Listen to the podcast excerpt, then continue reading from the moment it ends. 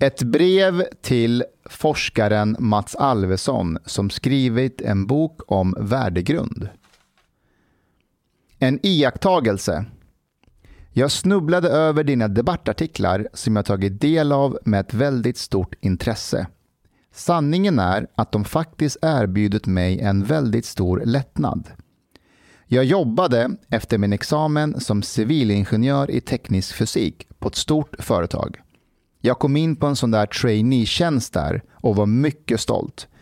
Det är en sån där plats som är väldigt svårt att få och jag kände stor glädje att jag nu äntligen skulle få stifta bekantskap med det fantastiska ledarskap och den spännande tekniken som det ryktades om skulle finnas på detta storföretag. Jag tror det dröjde några veckor innan jag började se att något inte stod rätt till. Man blev till exempel ganska snabbt involverad i olika typer av värdegrundsövningar och dylikt som jag kommer ihåg att jag redan från början var väldigt frågande kring. Som ny gör man såklart klokast i att hålla sig något passiv och inte sticka ut för mycket. Så jag led till en början i, i tystnad. Jag ställde mig själv frågorna, har vi problem med värdegrunden?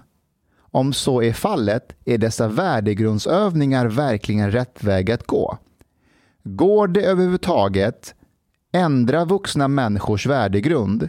Folk satt ju ändå Folk satt ju ändå och tomt stirrade ut genom fönstret under övningarna.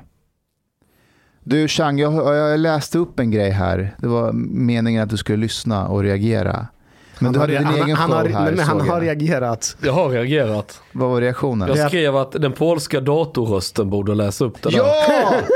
Ja! Det är en bättre Så idé. folk skulle inte fatta. De Jo. fattar inte ens när han säger blodpudding. Plus att alltså bara det där lilla han säger. Vet ni hur lång tid det tog att skriva det på. Jag kan ju inte skriva på svenska. Jag måste ju skriva som en polsk invandrare skriver svenska. För att uttalet ska bli rätt. Så det kommer typ ta en timme att lista ut. Jaha, det. Mats. Jag, vet inte om det, jag tycker inte det är värt det. Okej. Jak harinte ashkans slaf. Den persiske pojken negerinte mi. Jak haret jeget miedwietande. Jak harsenslor.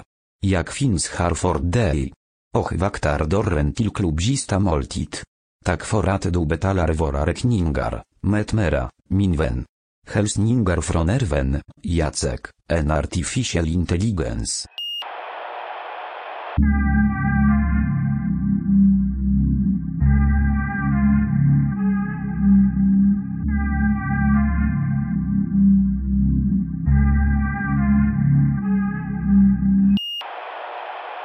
Så, och, eh, Ja. vi, vi, vi håller inte på i två timmar hopp, förhoppningsvis. Vi eller? håller på så länge du kan. Ja, ja. Nej, Ja. Men eh, kan vi klara det på en timme var det jättefint. Men behöver ni längre så får vi klara det också. Okay. Har du bråttom? Ja, det är med att jag har, jag har en examination på en kurs imorgon som jag inte läst igenom allting. Och jag har den här bokpresentationen och lite annat. Så att det är lite sådär. Läs, läs någons recension och utgå från den, så gör jag. Ja, det är min egen bok så Jaha. har inte kommit några rec- recensioner nu. Så att det, Men ditt du, är det den här senaste om, eh, om värdegrund? Ja, ja, nej, den här handlar om, om metaforer för forskning. Alltså så att man ser på forskning. Eh, tråkigt eller mindre tråkigt kan man göra detta. Och vår idé är att man kan göra det lite mer eh, fantasifullt. Men den näst senaste är den här om, om värdegrunder. Värdet av värdegrunder. Och så tidigare skrev jag någon som kom för ett par månader sedan om eh, Skolinspektionen. Check, check, check heter den. Det låter ju käckt. Och idén är att man, man ska inspektera verksamheter, typ skolinspektion, så är det ju liksom bara regelverket. Uppfyllt, icke uppfyllt. Om skolan fungerar bra eller dåligt, who cares? Det är lite för krångligt. Nej, det är lättare att ha ett på uppställa regler. Att Ja, följa reglerna. regelverks efterföljande blir då huvudprincipen och det där är ju Så, förkastligt. så när du ser den här rapporteringen om den här, heter den Rö, Römosseskolan, heter den så? Ja, det fanns en sån. Det finns. Du vet den här Ja, just det. Precis. islamistiska Göteborg. skolan. Ja. Blir, blir du förvånad över att den har lyckats slinka igenom systemet? Nej, faktiskt inte. Alltså, för eh, man kan göra ett uselt jobb. Nu kan inte jag bedöma dem i detalj, men man kan göra liksom konstigheter och, och eh, bara man har allt formellt rätt så, så brukar det ju accepteras. Så det är väldigt många konstiga skolor som får fortgå. Inte för att de fungerar illa utan för att de, ja, man kan inte nagla fast dem juridiskt. Mm. Och Det är därför jag får vara utsläppt i samhället. Du har allting formellt rätt där då? Ja, men det var liksom inte-. Det- det- Jag uppnår aldrig fullt rekvisiten för ett brott. Det Nej. är därför som man inte ska låsa in mig trots att jag borde vara inlåst. Ja. Eller vad säger uh, Hanif? Nej men eh, vadå inlåst? Vi ska inte ha det inlåst någonstans. Du vet, han fyllde år häromdagen. Ja, och, och då, skulle jag, då skulle jag ge honom en present. Ja. Och då har han ju sina poliskollegor och kompisar alla finklädda. Han har rätt schysst lägenhet, inte så stor. Vitt golv också. Ja, vitt golv. Det var vitt. Eh, och så kommer jag då med ett nyskjutet vildsvin. Det var ju bara två timmar. Det, vi hade- tagit ur det i alla fall ju. Ja, ja. Och så håller jag i ena tassen och bara kliver rätt in i vardagsrummet och det är blodspår efter på golvet. Här Hanni får jag en födelsedagspresent till dig. Och folk trodde ju inte det var på riktigt. De blev helt chockade. Så jag det- trodde inte det var på riktigt. Jag trodde att det gick 10 minuter, en kvart. Jag var övertygad om att det inte var riktigt. När, du, när det var till och med blodspår på golvet så tänkte jag att det där måste vara fake blod. Jag tänkte fan vad bra Chang har gjort det som att ha gjort det så det, det ser som fake. Jag kom ju för sent till den festen, så när jag öppnar hissdörren och kliver ut i våningen så hänger det ett vildsvin upp och ner och så droppar det blod från den. Det var ganska makabert. Oj jag då, det blir lite För jag visste inte, jag hade ingen aning. Ja, det blir lite nya mattor sådär då. Och, Nej, det var så här såg det ut. Ja, jag har inte mina glasögon på, men jag ser det i stort. Ja, det ser ju dramatiskt ut. Ja, det var... eh, Och jag, Så, så gör man om någon fyller 40. Det tycker jag är en bra... jag har haft lite dåligt samvete efter det här. För jag menar på att man ska visa djuren och människor respekt. Och man ska ha hänsyn så att även om man har skjutit ett eh, vildsvin så ska man eh, visa respekt för den döda kroppen. Det har jag väl gjort. Den blir fan kändis på kuppen. nu, nu, nu har vi lite av en värdegrundsdiskussion här känner jag. Jag måste bara berätta en rolig grej. För du, vi hade hängt upp den i trappuppgången och idag när jag skulle gå hemifrån så var det en granne som sprang ifatt mig. Hanif, Hanif, jag måste bara prata med er angående helgens händelse. och du sa så här, du eh, angående den här eh, presenten som du har fått. Eh, skulle det vara okej om jag fick några delar? För jag Jaha. tycker att det är så jävla gott. Ja, du ser, du ser Hanif. Så. Så, och kan jag få, eh, han, han refererar till fläskkotletter. Ja. Kan man göra vildsvins fläskkotlett? Ja men alltså det är ju en gris i grunden. Ja, ja, Så ja. du styckar ju upp Ja, allt precis som en ja. vanlig gris. Du har ju fläskfilé och du Ja. har skinkan och du har... Så jag trodde, jag hade ångest över att de skulle klanka på mig. Jag men trodde tvärtom. du skulle bli vräkt. Jag med, men eh, tvärtom. De ville ha mat. Det här är alltså en, en bostadsrättsförening. Ja. Men sen är det så att folk förstår, om någon fyller jämnt 40 eller 50 eller så. Det är inte ovanligt att man kivas lite med folk och hittar på något som sticker ut. Nej. Det är lite svenskt över det nästan. Så det, Det, det gjorde du verkligen. Eh, Mats, Mats, jag- jag har du varit med om något liknande? Nej.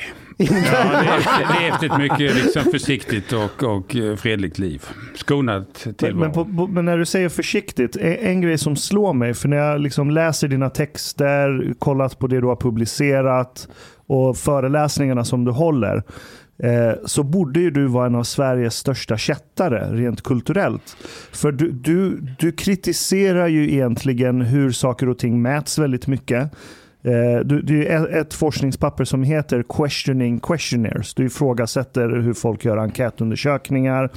Eh, och, och det går ju, allt det här går ju emot hur den här svenska staten, som kanske är en av världens mest byråkratiska, mätneurotiska länder, så går du och säger bara, äh, men det här funkar typ inte.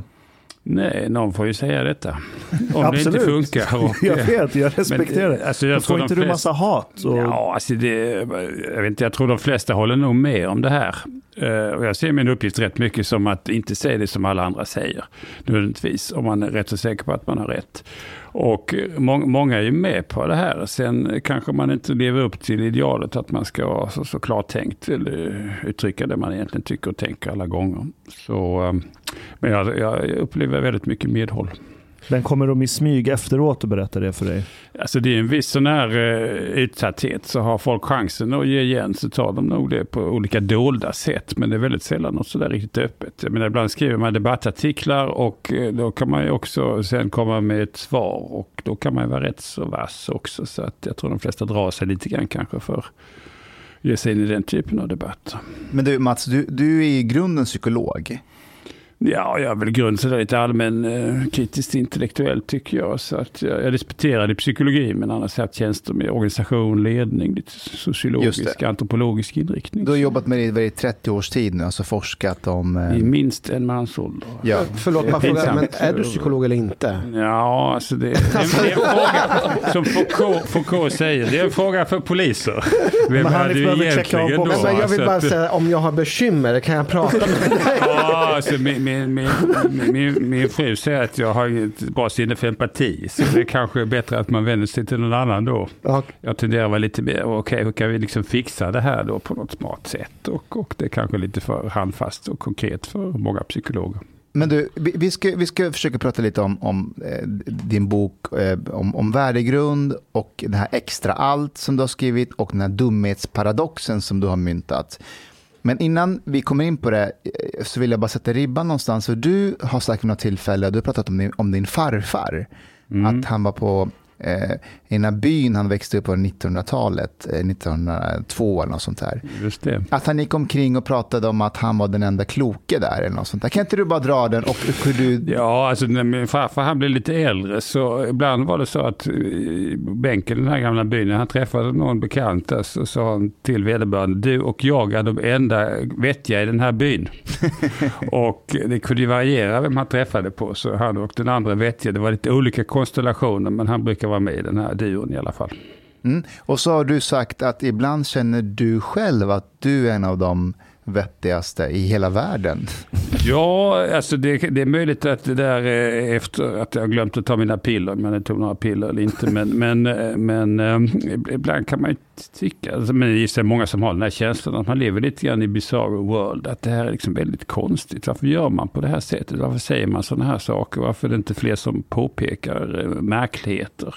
Typ värdegrunder, typ eh, överskott på alla policies och planer och rutiner och regler och sånt där som man ska ha för att lösa alla problem. Så ibland kan jag själv känna liksom att, att ja, det här är väl konstigt. Vänta, du tror inte på att man kan prata bort världsproblemen? Inte alla i alla fall.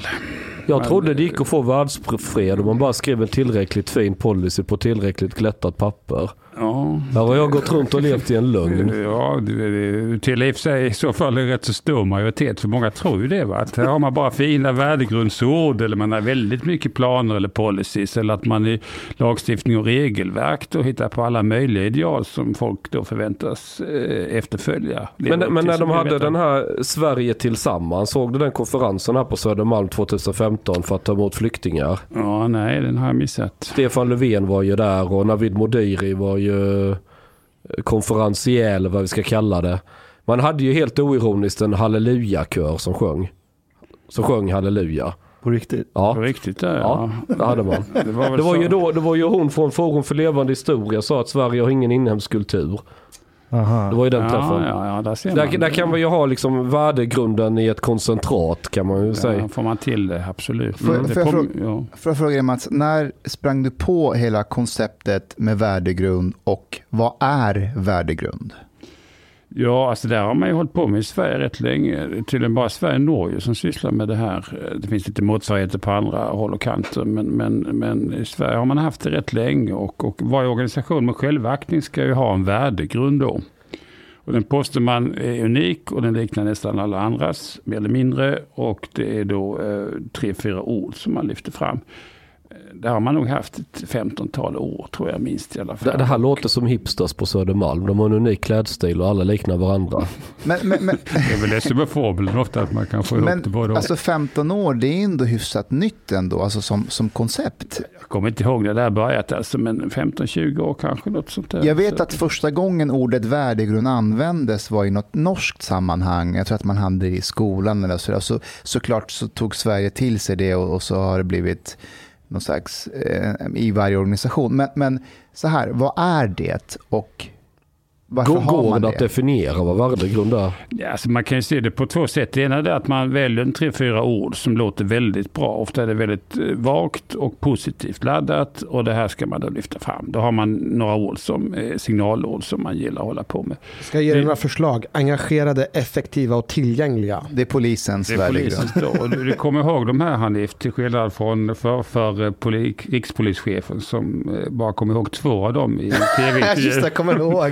Ja. Han glömde bort det i Han glömde direktsändning. bort där. Ja, Ja. precis. Glömde han bort man- effektiviteten då? Eh, jag tror det var tillgänglig. Tyvärr var han tillgänglig för den där intervjun då. Det, Ja. han det var ju Bengt något. Svensson, så det är inte den vår nuvarande rikspolischef. Nej, precis. Så, att, eh, så, så, så kan det gå. Jag vill gärna veta hur det här hur det har ätit sig in i företag, kommuner, institutioner, hela värdegrundskonceptet. Hur? Ja, exakt hur vet jag inte. Men, men dels är det väldigt många som det här som levebröd. Alltså det är lättsålt och det låter bra och man ger sken av att man löser problem. Och väldigt många konsulter och stabsfolk och ledningar, de gillar att hålla på med det här. Och sen vad som händer om något, något då som framstår som väldigt bra eh, är i omlopp så andra imiterar ju gärna det här och så känner man sig lite naken ifall man har inte vi någon värdegrund eller vi en vision eller vi en plan för ditten och datten. Och så ska alla imitera det här. Men eh, liksom många moden, det är lite svårt att, veta exakt hur det här har uppstått. Men, eh, men det är liksom ett fenomen och alla organisationer med självaktning nästan, de, de liksom ska snacka jättemycket om det här. Men är det fel? Alltså jag tänker som inom polisen. Jag vet att i, dels inom polisen men i, även i olika eh, grupper. Och jag tror till och med på insatsstyrkan.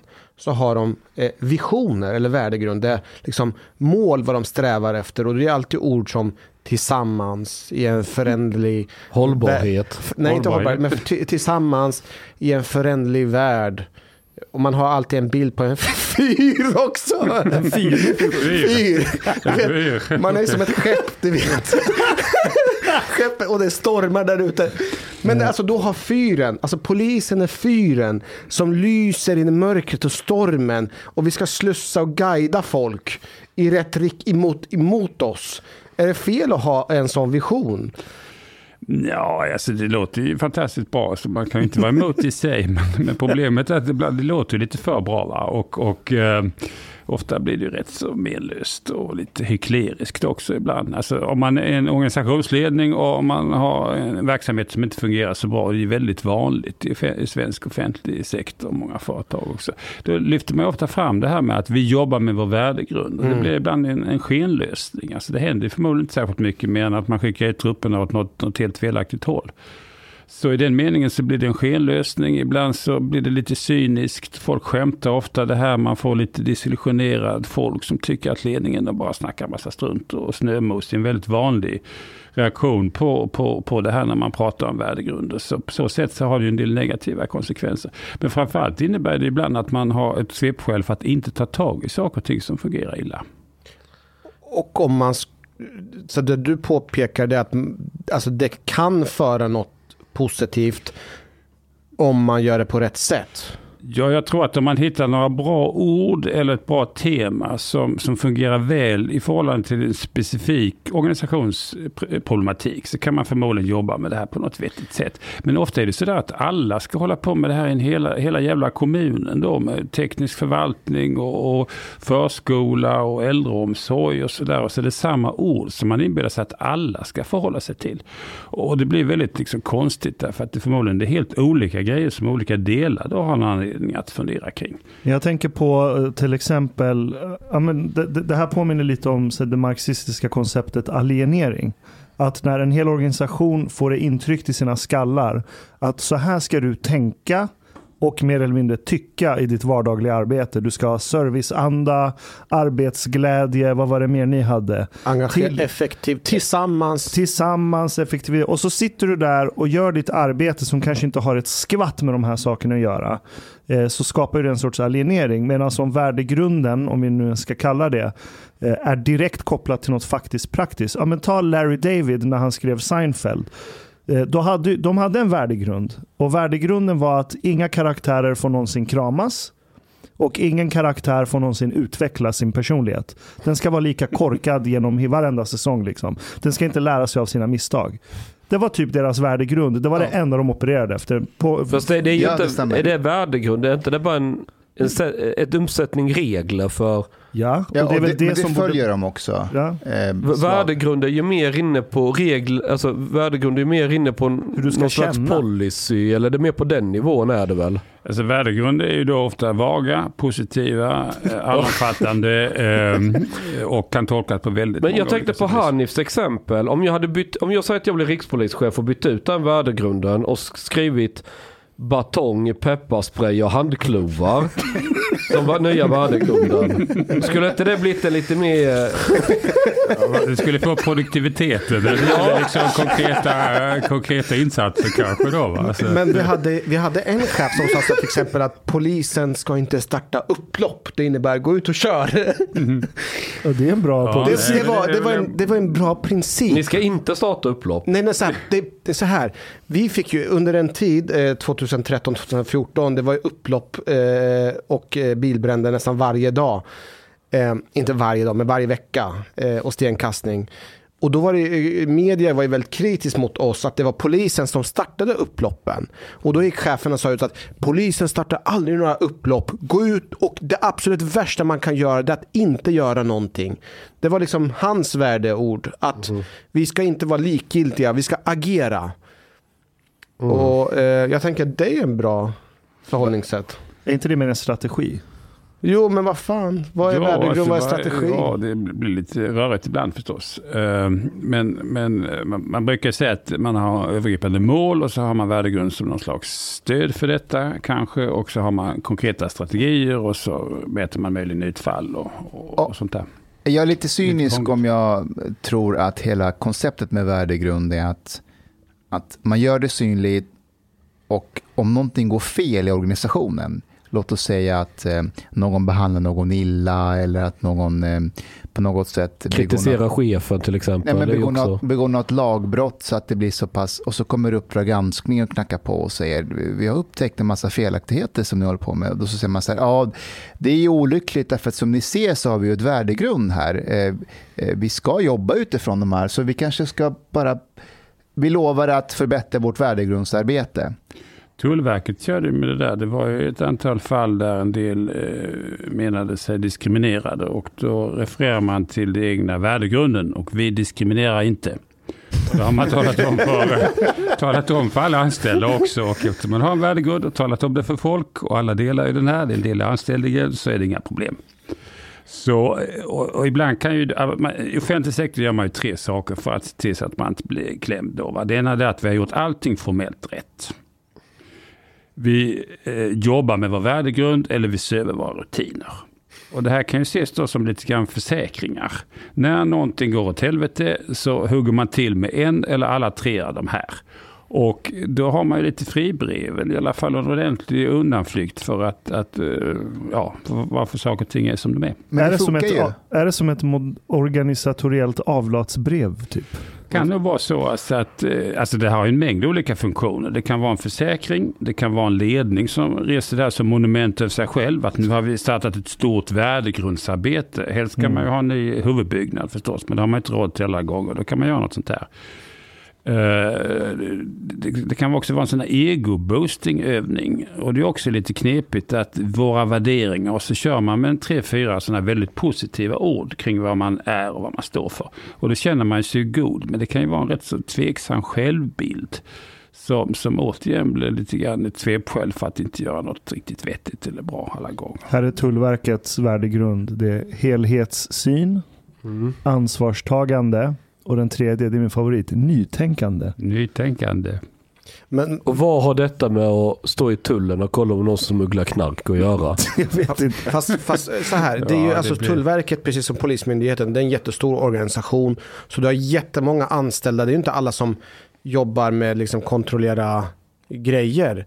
Det är några som jobbar på kontor, några som kopierar papper. Är det inte bra att ha några stödord? Andra som jobbar med värdegrundsarbete. Andra jobbar med eh, värld. Men är det inte bra att ha lite stödord? Och man kan luta sig.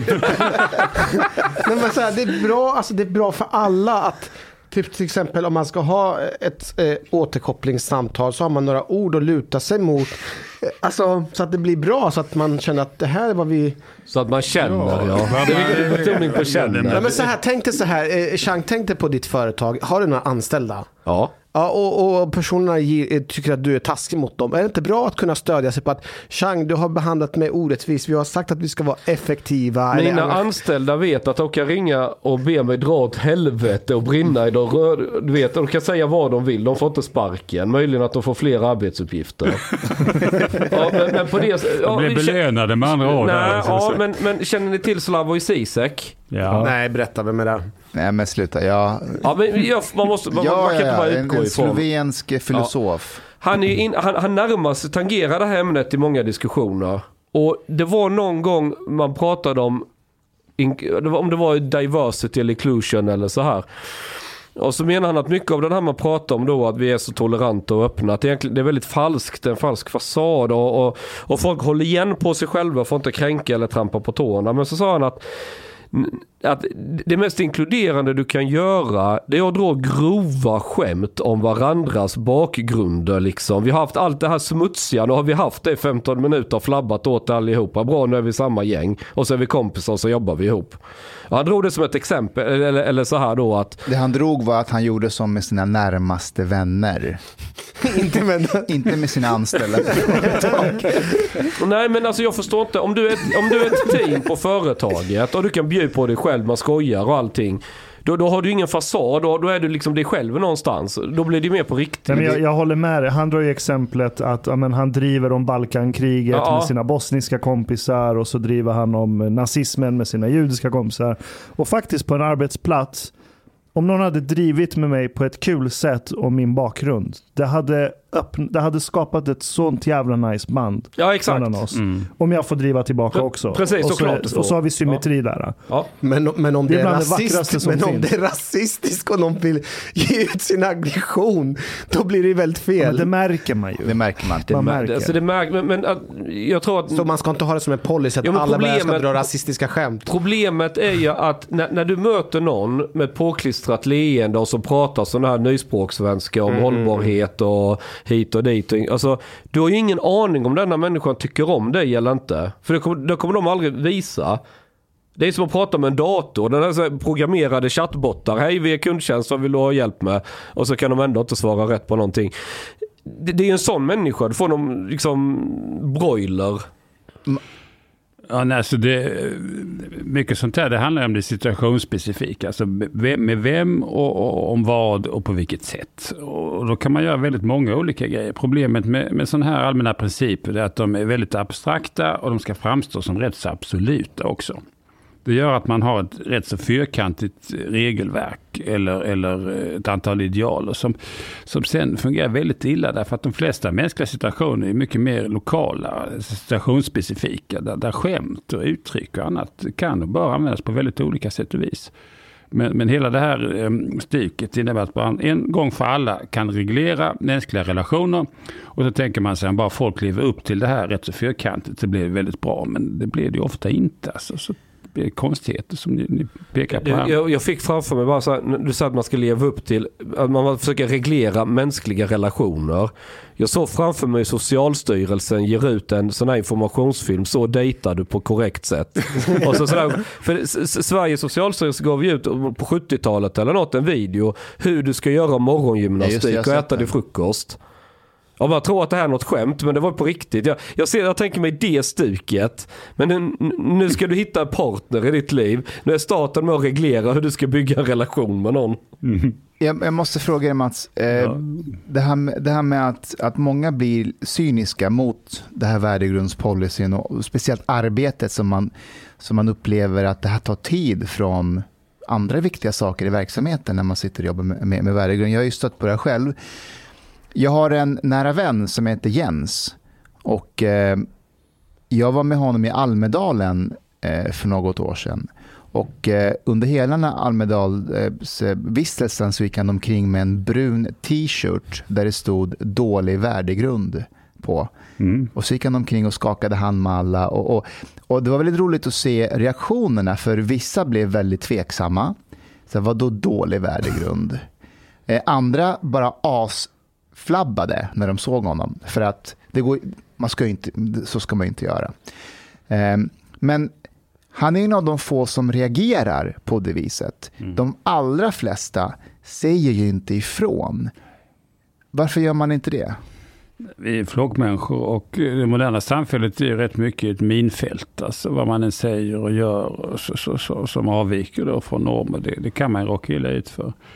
Och eh, väldigt många är väldigt finkänsliga och rätt många i den här eh, branschen där man hela tiden hugger på någonting som, som är lite felaktigt. Där eh, humor blir väldigt knepigt och kontroversiellt. Jag brukar se på Simpsons och då tänker jag, vad, vad, det skämt ibland om homosexuella, om indier, om skottar, om män och kvinnor, arbetarklass och liknande. Om man tillräckligt finkänslig i förhållande till det här så är det inte, väldigt mycket, det är inte mycket som återstår.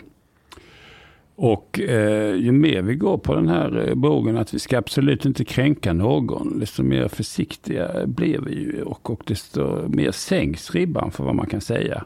Och det här är en totalitär utveckling som är väldigt problematisk. Det bästa är kanske att förbjuda humor.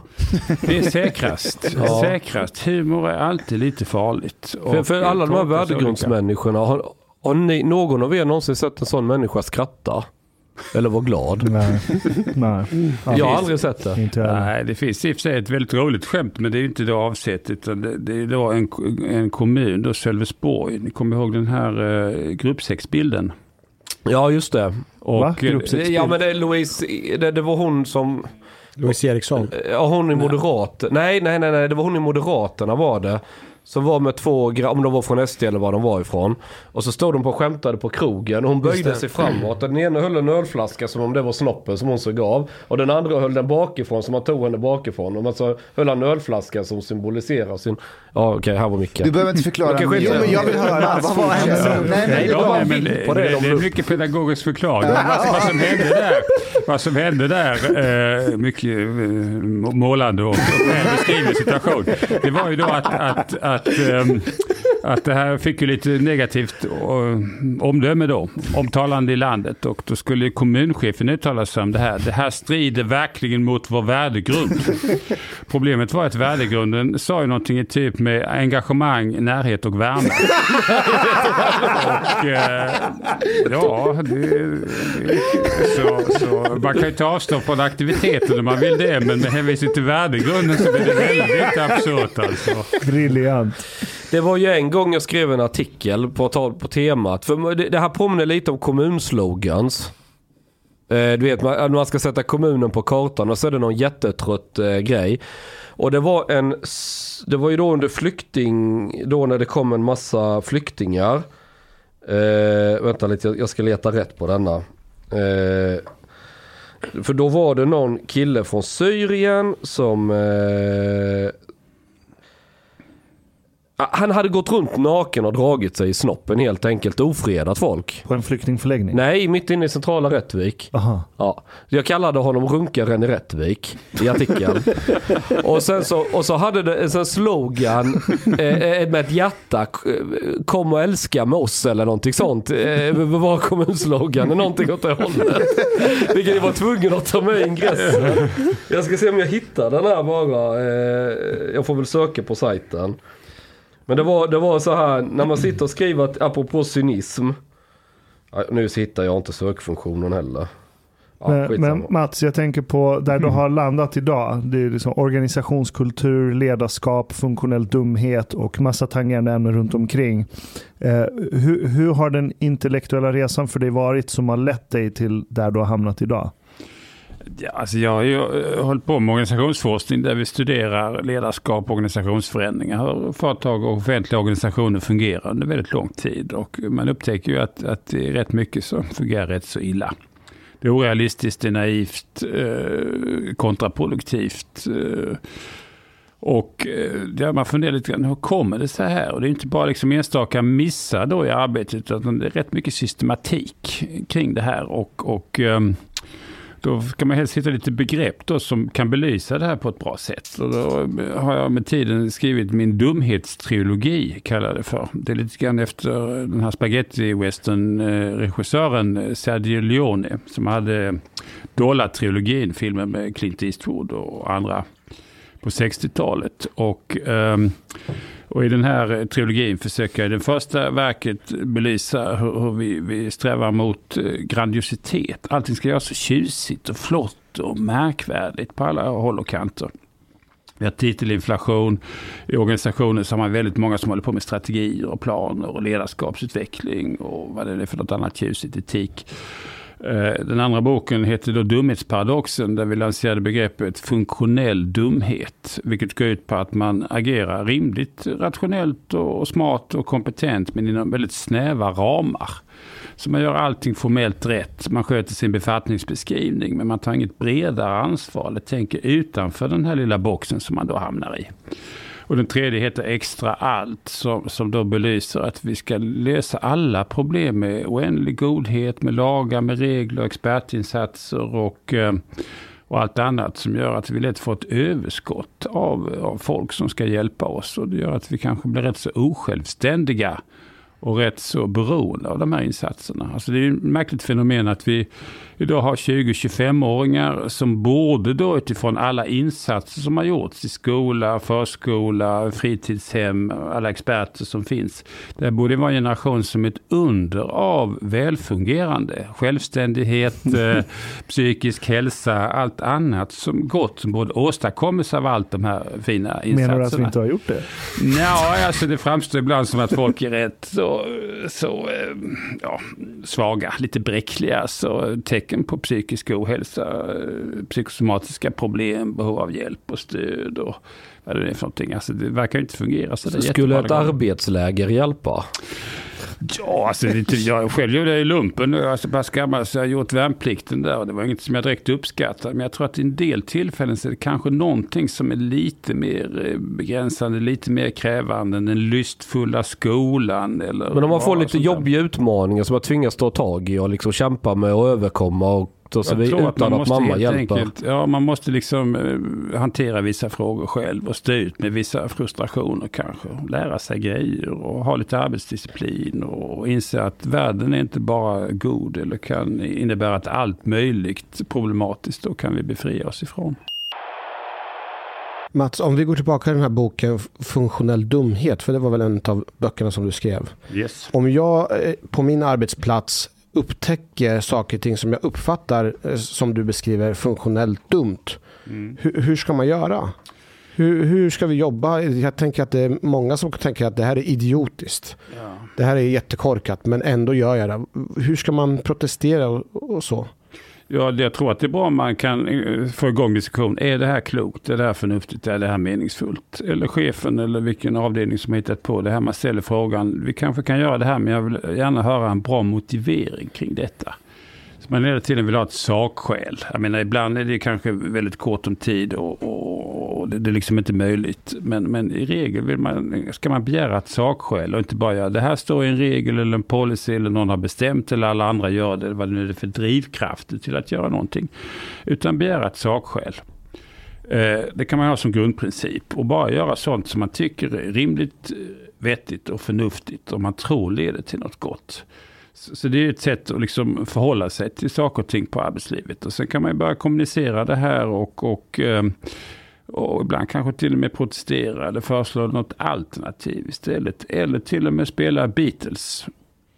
Spela Beatles. Let Ja. it be. Let it be där. Hear the words of west wisdom. Let it be, let it be. För rätt mycket är det sånt här pseudoarbete. Så att det här känner inte, ingenting till. Men man gör det ändå därför att någon har kommit på det en gång i tiden. Eller ja, alla andra gör det eller vad det nu är för någonting. Och spelar Beatles rätt så ofta. Då, då kanske man inte bara ska sitta där och ta en extra tupplöt. Man kanske gör något annat som är vettigare istället på Spraya lite pappersspray i nyllet på någon kan man göra som Ja. omväxling. Jag, jag, jag såg på ett föredrag där du, för, där du föreslog att man skulle spela bullshit-bingo. Ja,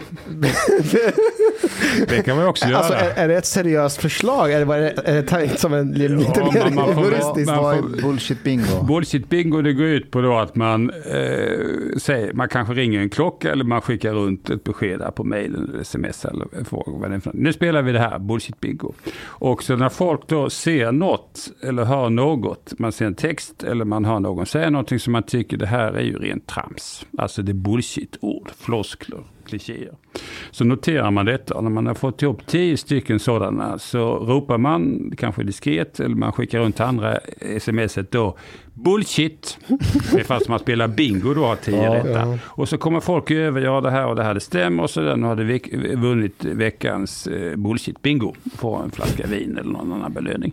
Och är- med det här är det ju liksom folk tränar sig lite grann intellektuellt. För ibland är det så här, det här låter jättebra, jättetjusigt, det köper vi bara, vi tänker inte efter, vad betyder det här egentligen för någonting? Så du uppmanar folk att börja spela bingo på arbetet och dela ut vinflaskor till varandra som pris? Ja, det här låter ju som att... eh, Om man blir spelberoende och bullshit-bingo.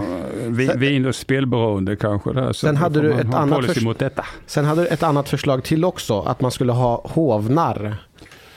Ja, det kan man också ha, alltså en hovnarr. Och, och eh, förr i tiden så var ju folk rädda för att kommunicera till fursten eh, obehagliga nyheter. Men det hade ju fursten som ändå skulle ha någon form av jordförbindelse. En hovnarr som i skämtets form då sa sanningar. Men sanningarna var ju inte så liksom tydligt uttrycka, uttryckta. Eh, annat att det kunde ses som ett skämt. Så det är lite sådana här mellanformer. Så, så fursten var ju då eh, i situationen att han eh, kunde, kunde liksom välja. Tar man till sig det här eller inte? Och idén var att lite mer försiktig form i humorns, under humorns täckmantel då eh, förmedla obehagliga sanningar till folk. Och det kanske skulle behövas då i alla de organisationer där folk inte vågar säga någonting till, eh, till, Ja. till, till, till ledningen då. Va? Det Det känns är som väldigt att, vanligt. Det är Men väldigt du, nu vanligt. var, jag- nu var jag ute i telefon så jag missade lite, men ni kanske har redan sagt det här. Men om man ska ge ett tips till en organisation som har fastnat, de vill innovera, de vill tänka nytt, alla de här grejerna. Vore inte det bara lämpligt att installera en hovnar på organisationen? Då kan, jag Att kan en konsulta. officiell post. Hovnar 3 500 i timmen på faktura. Ni, ni grabbar har ju humor här och sådär. Så att Hovnar Konsult AB, det skulle kunna kanske vara... Vi har ju Hovnars- chansen. Jag skulle inte banga. Ja, Det är en nej, men jättebra idé. Det är en bra idé. Och sen eh, kan ni kontakta högskolan också. Ho- Hovnars eh, kurs.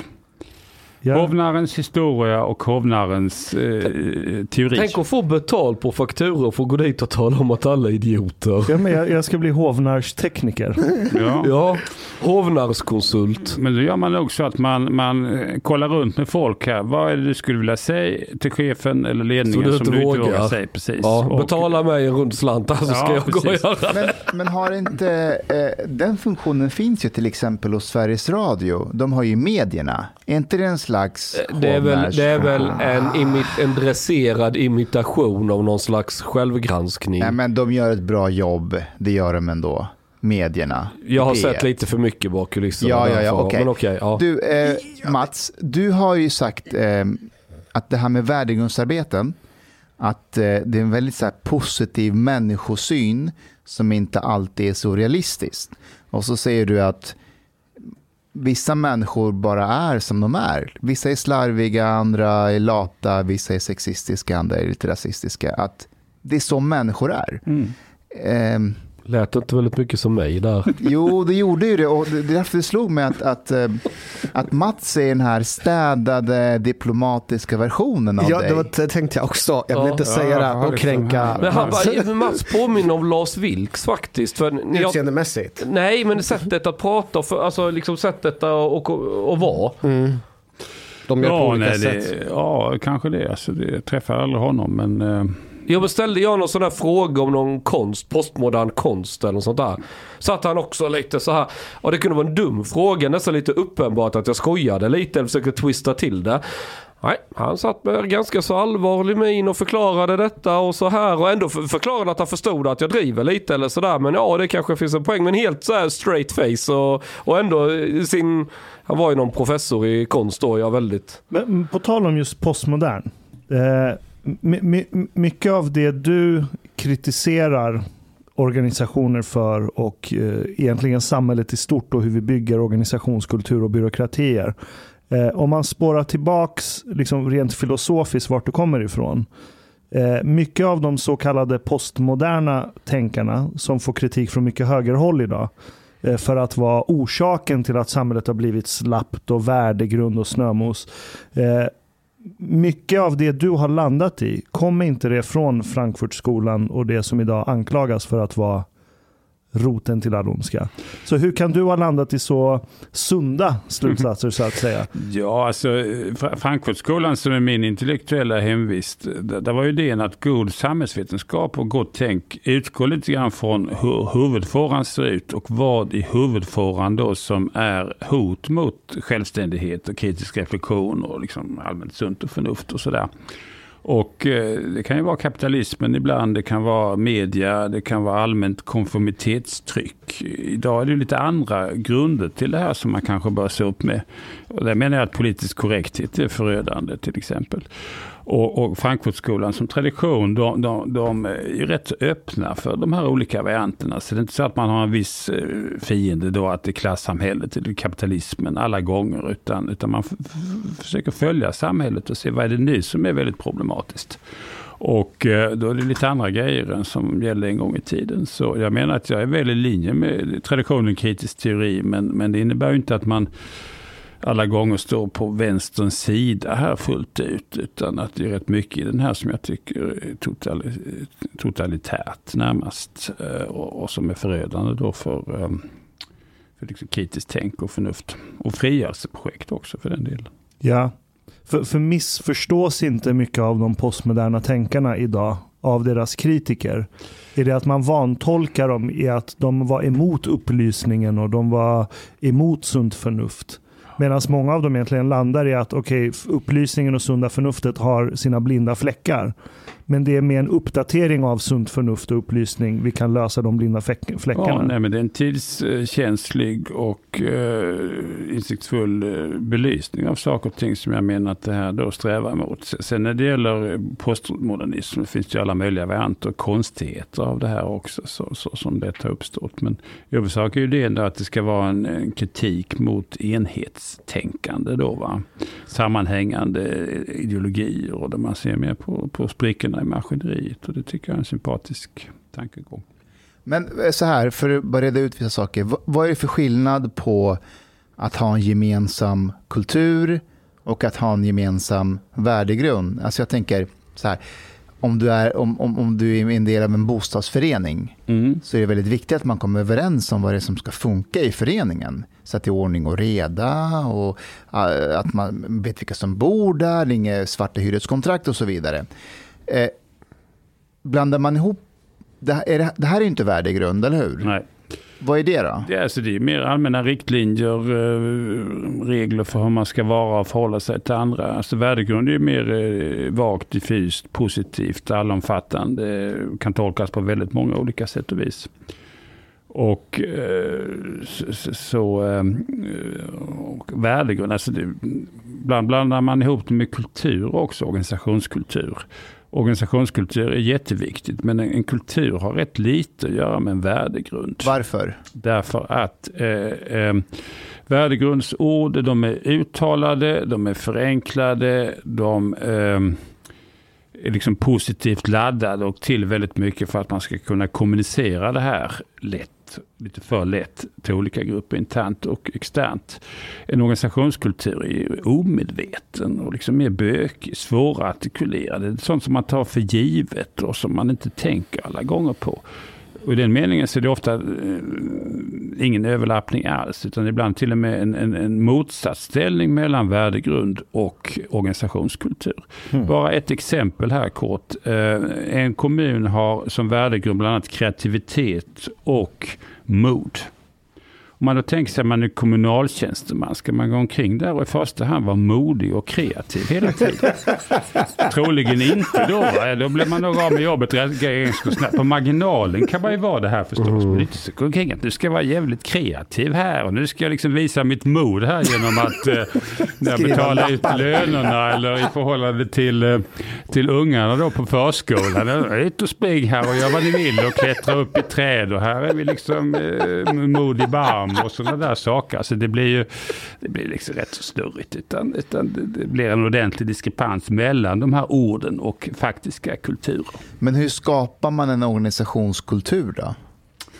Ja, det är fokus på vad gör man? Vad åstadkommer man? Vad är det för folk man rekryterar? Vad är det man liksom slår ner på som problematiska beteenden? Eh, vad premierar man? Hur liksom pratar man om saker och ting i vardagen på jobbet? Alltså inte på sådana här fina seminarier eller powerpoint. Alltså det finns ju powerpoint-kulturer.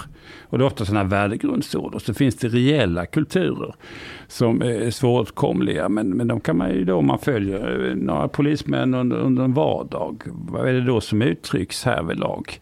Glass är ett ord Glass jag tänker på. och donuts kanske. Kaffe ja. och donuts. Nej, men, sånt där man ska vara lite Men, men om, om vi ska prata seriöst just och kopplat på polisen. Och vilket är väldigt relevant är ju så att eh, eh, inom polisorganisationen så är man ju generellt sett väldigt enhetlig.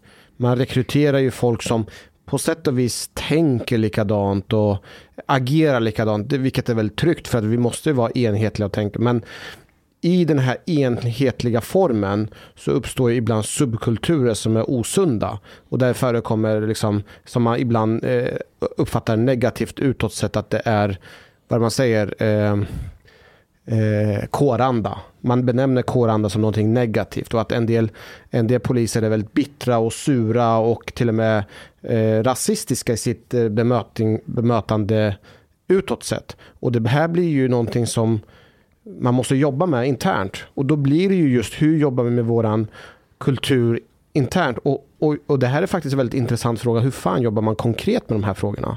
Då blir det kanske lätt att man lutar sig på värdegrund när man behöver egentligen gör på ett annat sätt? Ja, jag tror att normalt bör man göra det på andra sätt. Och det är då att man får utgå från vad är specifika eh, problem för en viss grupp. Och vad är det man bör ta tag utifrån att man har konstaterat de här problemen. Och det är rätt annorlunda när man liksom tänker sig hela polismyndigheten över hela landet med olika eh, alltså utredare, ordningspolis och spanare och vad det nu är för några. Att alla ska liksom förhålla sig till samma ord. Mm. Ibland blir det en ordentlig omväg i förhållande till det här både ni konkret jobbar med. För det fungerar inte särskilt bra i era tankesätt och förhållningssätt. Så man måste vara mycket mer liksom situationsspecifik mm. och inte vara så lat. Alltså, ibland är det här, det här är vår värdegrund. Det här, om man är lat, ja det här ska vi jobba med ungefär.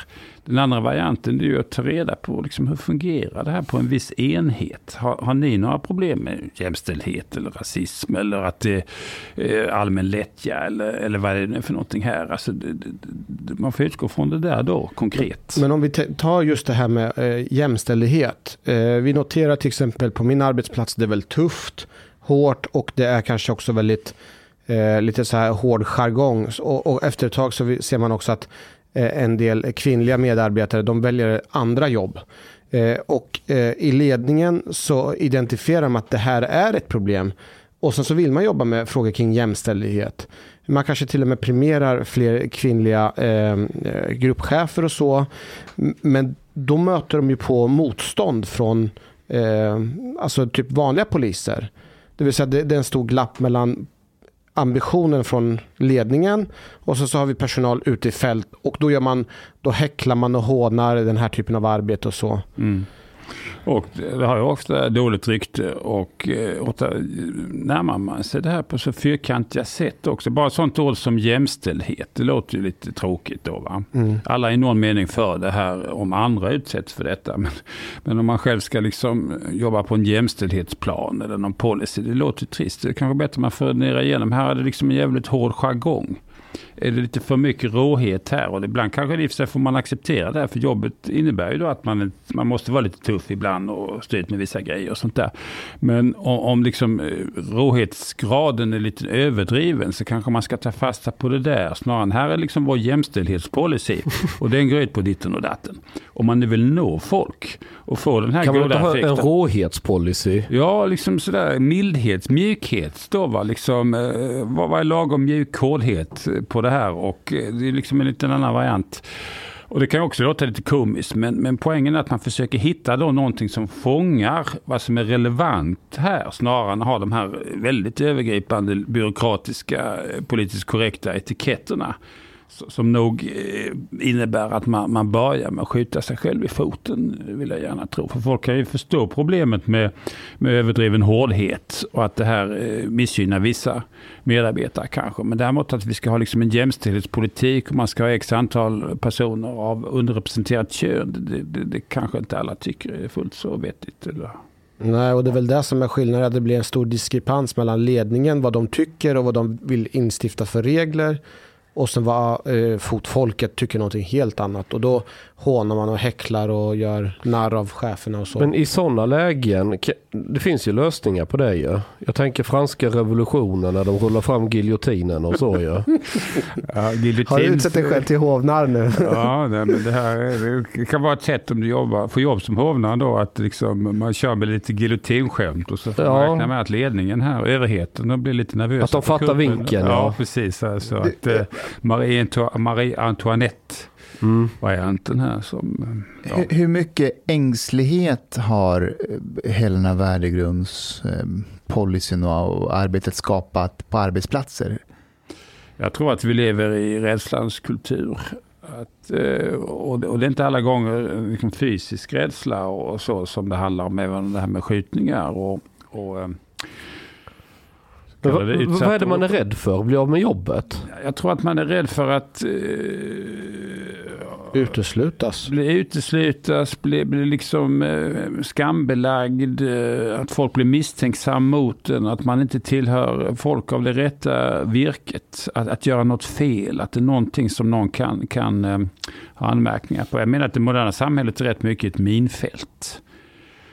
Det märks ibland på högskolans område. Allra mest tydligt har det varit amerikanska universitet där, där ehm, eh, universitetslärarna är jätterädda för att säga sånt som kan stöta sig med någon grupp.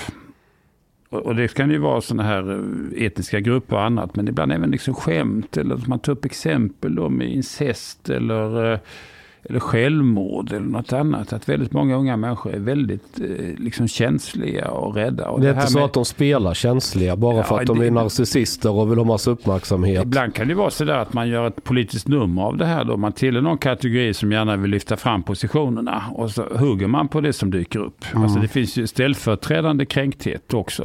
Eh, som många ägnar sig åt. Men, Men det kränkt med- by proxy eller så. Sekundärkränkt. Ja, alltså att det var ju något, något exempel i Uppsala där någon eh, lärare då blev tillfrågad om man ska söka på gamla, gamla texter här.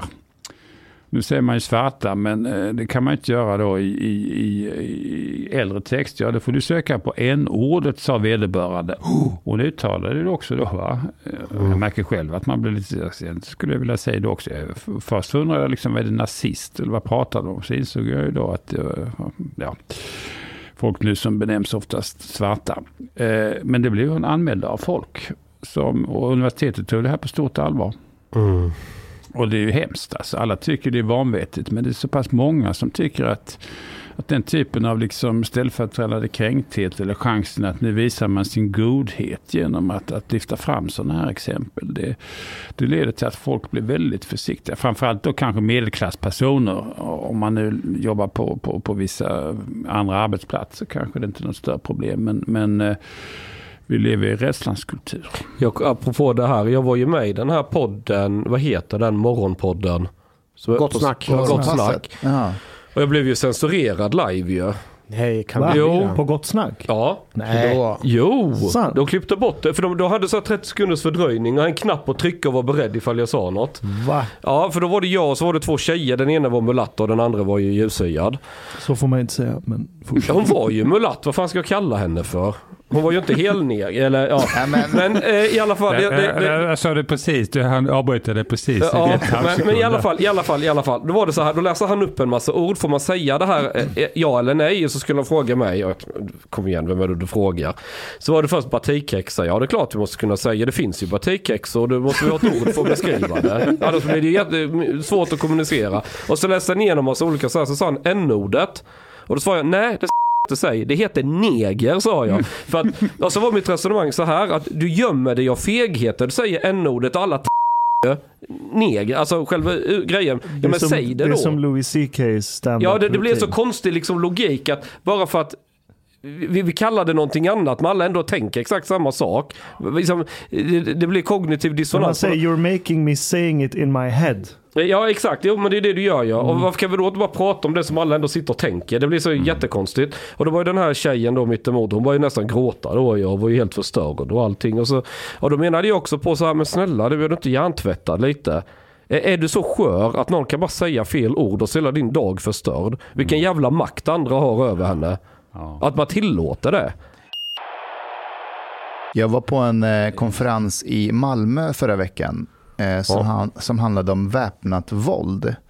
Och, eh, på den här, det var två dagars konferens och det var ett eh, Amir Sarjaslan, eh, inte Amir Sarjaslan, förlåt, Amir eh, Rostami var där, kriminolog. Eh, Ardavan var också där, kriminolog. Eh, Damberg var där, inrikesministern. Eh, Mustafa har kommit in i värmen. Ja, Hänger precis. med Damberg numera. Men jag höll ett, jag höll ett föredrag. Eh, det handlar om att jag är ute och föreläser och sådär.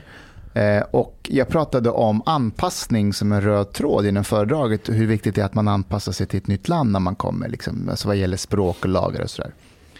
Då var det, eh, på den här konferensen så fanns det också unga feminister eh, som är en- ett ungdomsförbund till FI. Och eh, en av dem blev väldigt upprörd och, och, och sa att, eh, att jag var främlingsfientlig. eh, Alltså under konferensen inför åhörarna. I Varför var du främlingsfientlig på en konferens? Därför att jag sa anpassning. Ja, varför sa du det? Du kan ju inte vara främlingsfientlig Och då, och då skulle hon, och då höll hon sitt lilla föredrag om att det ska vara tvärtom, det ska vara samhället som anpassar sig efter människor och, och, och du vet det här eh, svenska språket kommer från Tyskland och köttbullarna kommer från Turkiet, det där vanliga. Mm. Och jag kunde inte låta bli och, och sa till henne att alltså, bara så du vet, eh, majoriteten här håller inte med dig. Eh, Det du säger, det, det, det är rätt extrema saker. Att ett helt samhälle ska anpassa sig efter människor. Ehm, eh, du är en minoritet, men ingen här inne kommer våga säga emot dig, därför att vi vill inte ha dålig stämning i Sverige. Och då blev hon lite mer upprörd och så när det var slut, då kom ju såklart varenda en i publiken fram till mig och viskade, jag håller ju med dig bara så du vet. Men man vill inte säga det eh, när alla hör. Så det du pratar om där med värdegrund, eh, Alma policyn, eh, kan det vara som så att majoriteten tycker att det här är kontraproduktivt, men att man orkar bara inte tjafsa emot? Nej, jag tror de flesta människor är, är rätt så um, flockbenägna. Och eh, är väldigt rädda för att eh, i värsta fall att tänka självständigt överhuvudtaget. Man kan ju göra farligt. fel och så. va. Men sen säg någonting som man tror att någon kan ju, även om man tror att de flesta håller med om det här, det är alltid någon då som kanske blir, blir arg och som, som eh, framför det här väldigt tydligt. Eller någon som kanske misstänker att man inte har absolut rent mjöl i påsen utan har någon åsikt som inte är helt i, i, i mittfåran. Och det där är oerhört liksom knepigt och, och eh, leder till väldigt mycket självcensur och väldigt mycket fördumning också. Av andra men också av sig själv. Jag har också märkt att, att det finns ju en marknad för de här vad ska man säga, värdegrundsarbetarna som kommer. Och, och de kan ju göra det utifrån olika perspektiv. Det kan vara alltså, funktionshindrade, alltså att man kommer att prata om vikten om att man ser till att det Funktionsvarierad. Eh, funktionsvarierade. Det kan vara utifrån eh, hbtq-frågor, men också antirasism.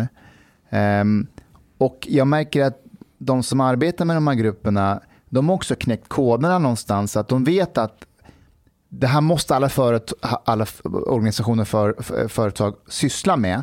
Annars så är de inte progressiva nog. Så till exempel när det kommer till antirasism så kommer man till de här eh, eh, företagen Eh, håller föredrag och säger så här, ja, alltså, och det kan vara på den nivån att, ja bara så ni vet, ni har väldigt mycket vita möbler och eh, de rasifierade i era företag kan känna sig eh, Ja, men du vet, det finns en vithetsnorm i era företag. Eh, har ni funderat på att, dra in, på att köpa in fler eh, svarta möbler så att också de känner sig hemma?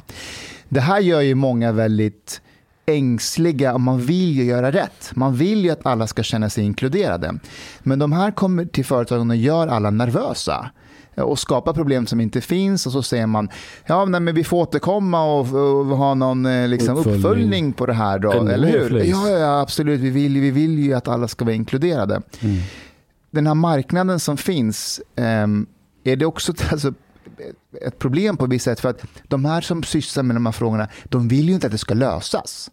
Man vill ju fortsätta. Ja, ja men det är men... som X på rasismen. Ja, ja alltså problemidentifikation och, och är ju då ett stort geschäft, alltså ett stor, stor, um, stort arbetsområde. Och vilken organisation eller vilken människa som helst, man kan alltid hitta några imperfektioner. Alltså värderingar, förhållningssätt, eh, känslighet för andra människor, eh, benägenhet till att inte beakta ditten och datten och dutten. Och det här är ju oändligt då. Va? Så går man igenom vilket företag som helst kan man ju se här avsteg från jämställdhet, från, eh, från antirasism, från hänsynstagande till sexuella minoriteter och vad det nu är för någonting.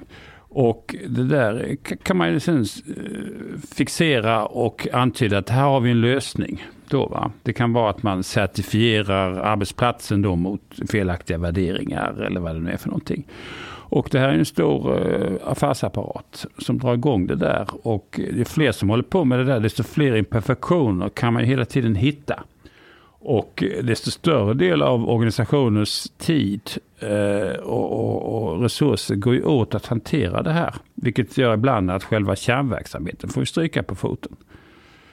Eh, eller i alla fall nedtonas. Så att många, många, många, många gånger blir det här väldigt direkt kontraproduktivt. Och det på flera olika sätt och vis. Dels är det tid och energi åt det där. Och det kan också vara en medvetenhet där man blir alltför fokuserad då på att leta efter imperfektioner från ett ideal. Och är det så att tror man det här eller misstänker man detta, då ser man ju alltid tecken på det.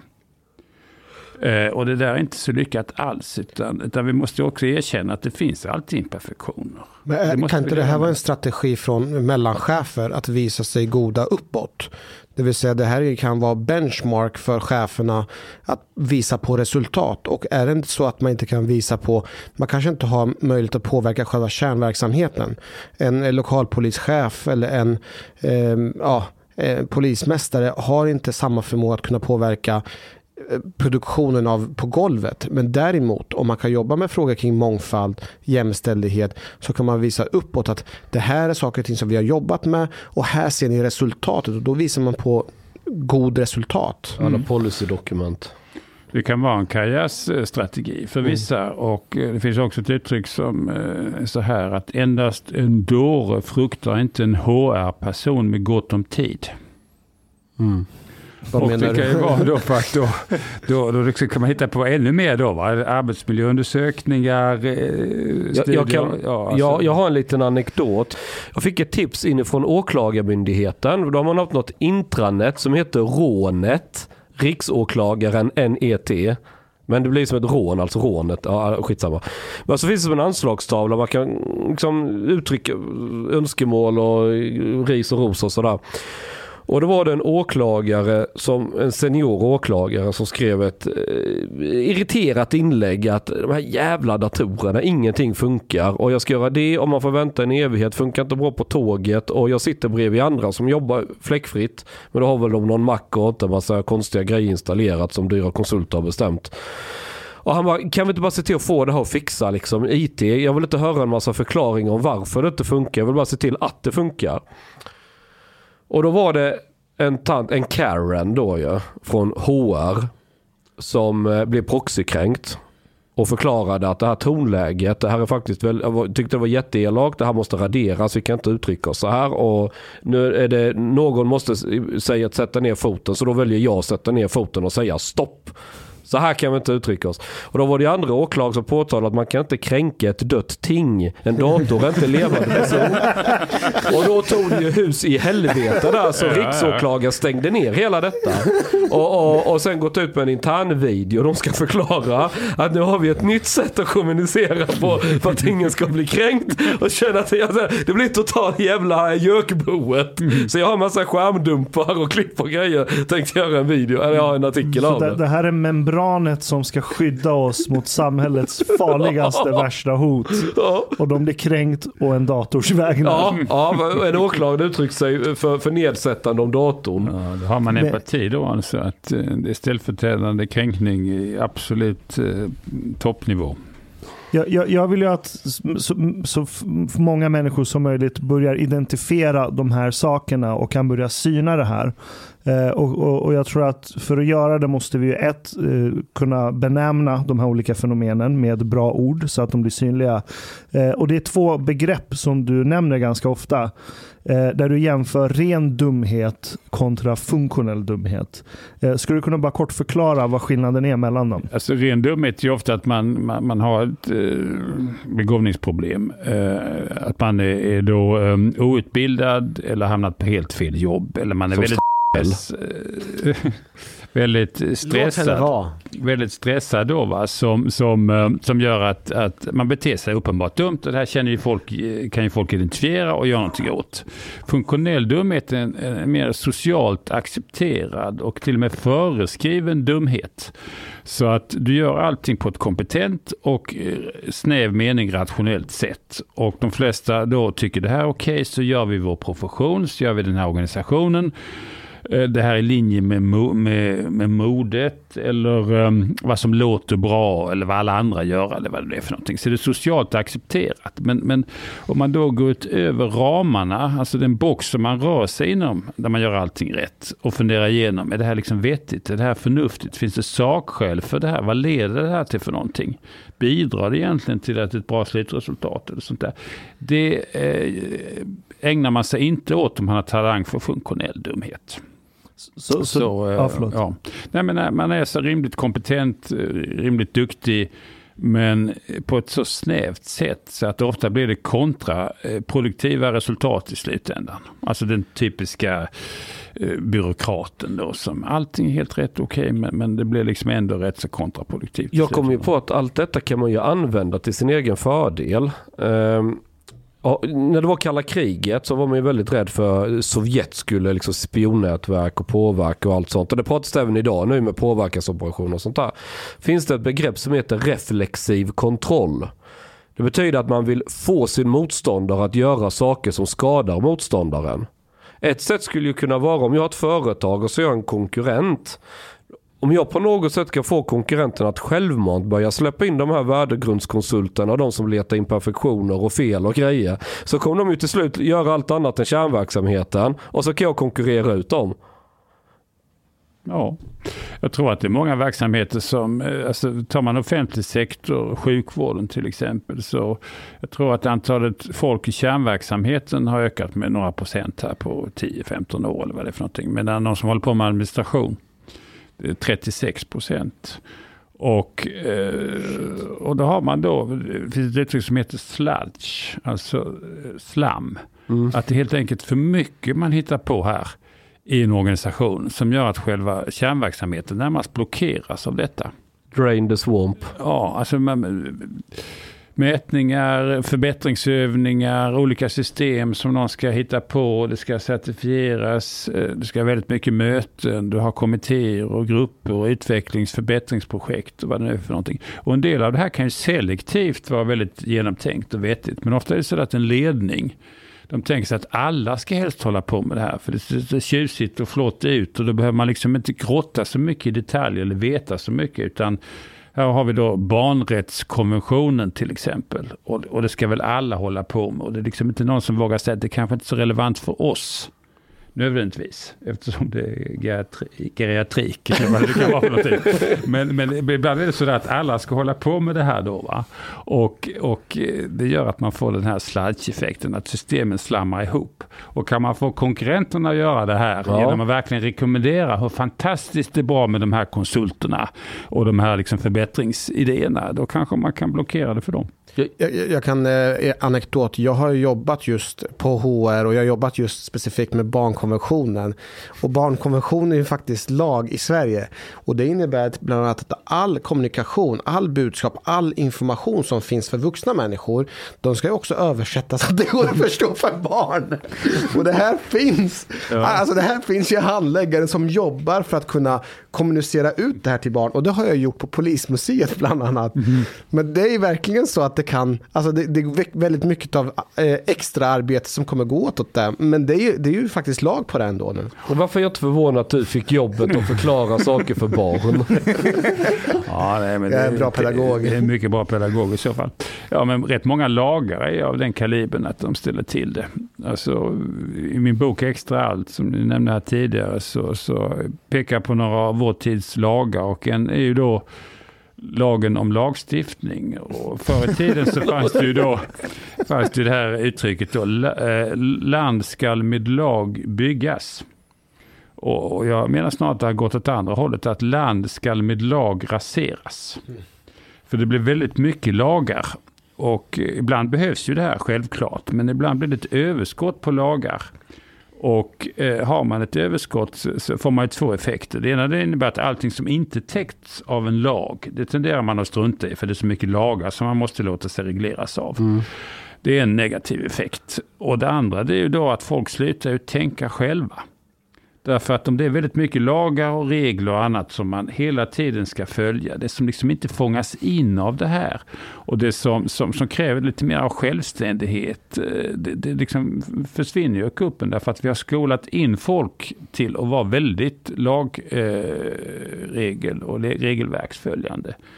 Och, och, och det är mycket olyckligt då. Va? Är inte, Klart man ska följa lagar, men så ska man liksom kanske också tänka själv och ta lite ansvar och inse att ett formellt regelverk kan ju faktiskt bara styra si och så mycket. Det mesta kräver ju då att man använder sitt omdöme, sin professionella kompetens på ett mer flexibelt och självständigt sätt. är inte det som är blinda fläcken i hela idén kring upplysning? För liksom upplysningen och alla frukter vi har fått från det, att vi har massproduktion, industri och allt det här, det är att vi på ett sätt frigör oss från naturen. Men i och med att vi effektiviserar allting runt omkring oss så pass mycket och precis som du säger att vi med så kallat sunt förnuft gör lagar för allting så att allting ska vara klart och tydligt så fördummar vi ju människor. Så upplysningen blir en sorts förblindande. Det är liksom baksidan av det. Eh, och, och där förlorar vi kopplingen mellan det praktiska och teoretiska. Där vi tror att om alla bara får läsa en termin i årskurs 9 om Sokrates så kommer vi föra vidare upplysningens ideal. Men ingen, om ingen går runt och tänker själv under sin uppväxt och lär sig ta egna beslut och lär sig lösa konflikter så blir det en massa blinda korkade idioter som blir resultatet av upplysningen. Framförallt måste folk få lov att göra lite misstag och, och, och lära sig av det. Men idag så ska ju alla skyddas från det. Ja. Ja. Jo, nej, men det är nog en sån här tydlig tendens att en gång i tiden upplysningen innebär ju då att folk eh, tvingades tänka lite mer själva.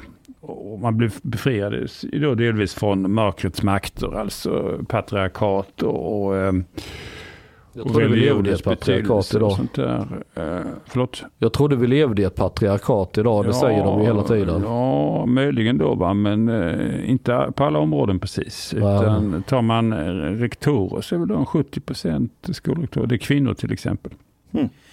De är 70% jämställda då. Ja, minst. Ja. Så.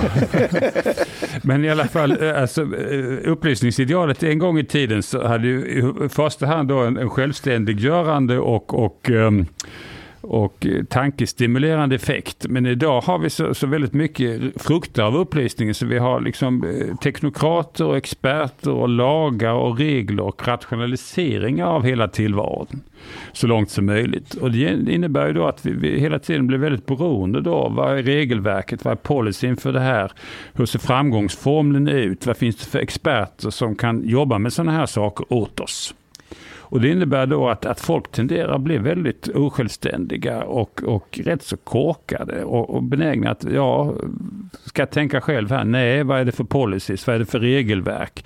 Vad säger allmänna opinionen? Vad finns det för experter att tillgå för att hantera det här? Så, så tänket har ju fallit eh, tillbaka för väldigt Men många är det ändå människor. inte viktigt att ha att Socialstyrelsen ger ut en blankett för samtycke när folk ska uh, göra något där hemma? Ja. Är det, inte det, det är det inte det sista som fattas för att fullända det finns säkert, mänskligheten? säkert något ytterligare som vi kan hitta på för att optimera tillvaron i alla hänseenden här. Jag, jag, tänker, jag tänker att eh, vi lever i en tid där, där en slags motreaktion ligger alltså på allt det här du beskriver eh, liksom, rätt, rätt nära. Och jag, jag följer i USA och såg den här eh, delstaten Virginia. Där, de, där de hade röstat på Obama två gånger, liksom en hyfsat alltså demok, demokraternas säte. Men nu valde de en republikansk. Eh, och om man misstänker eller man vet att anledningen är att skolor i Virginia har börjat implementera den här critical race theory i sina skolor och att föräldrarna till de här barnen eh, liksom, vad ska man säga, steppade upp och sa ifrån. Och så röstade man på en republikansk kandidat för att det här critical race theory inte skulle liksom implementeras. De vill inte att deras barn går runt och pratar om ras hela tiden eller tänker på ras. För barn har kommit hem efter skolan och sagt, frågat sina föräldrar, är jag ond för att jag är vit? Ja. Och svarta har sagt, är jag alltid underlägsen för att jag är svart? ja. Ehm, och, ja. och då tänker jag så här, sådana här motreaktioner kommer ju komma i Sverige kanske också. Hur, hur, skulle, hur skulle de te sig när de väl kommer? Genom att lyssna på sista måltiden. Genom att starta ett elbolag och vara tvärtom. Vad säger Ja, du nej, Mats? men jag tror att det finns motrörelse hela tiden. Men, men, eh, men eh, och det kan ju vara på lite olika nivåer. Men det är klart att, att en del eh, väljarsympatier för då Trump och för Orban och för andra. Det kan väl ibland delvis förstås i termer av eh, Folk tycker det blir liksom för mycket av den här viljan att verkligen utrota allt som inte är oerhört gott. Det, det slår lätt tillbaka.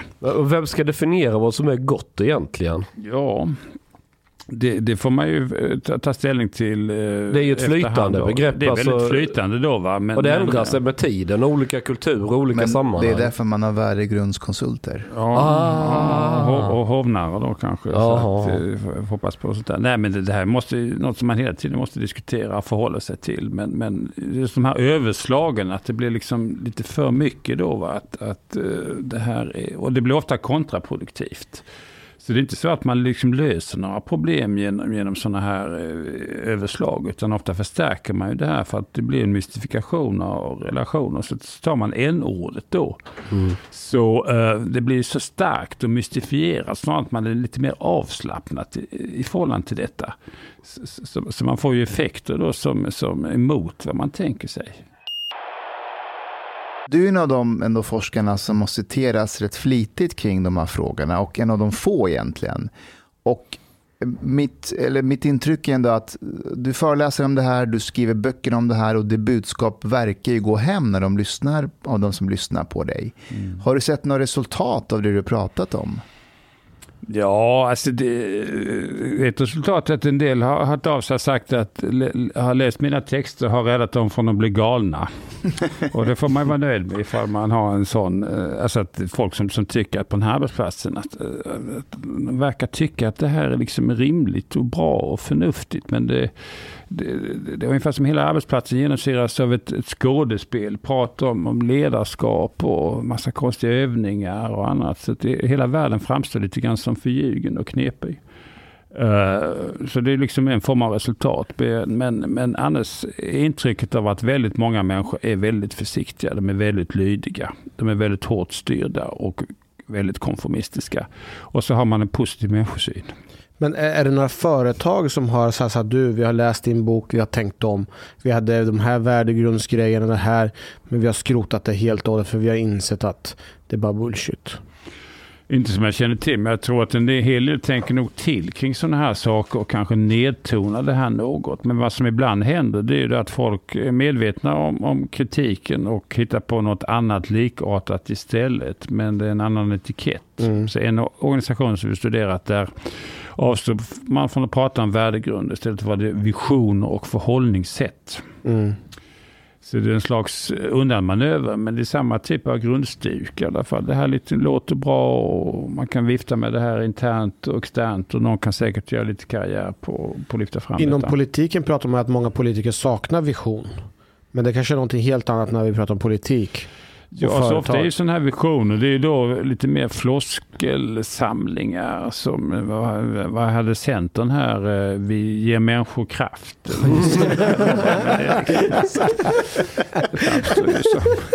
Det är, Vad, vad, är det, vad är det för fel med det här det är så nedvärderande. Vem fan är ni att tro att min kraft, att ni är källan till min kraft? Min kraft, där, det är väl elkraft kanske, vattenkraft. Jag skulle kunna köra med den sloganen. Ja, du känner dig kraftfull här som Nej, ett men jag- energiknippe. Jag har ett man kan- elbolag, Ja, kärnkraft.se. ja.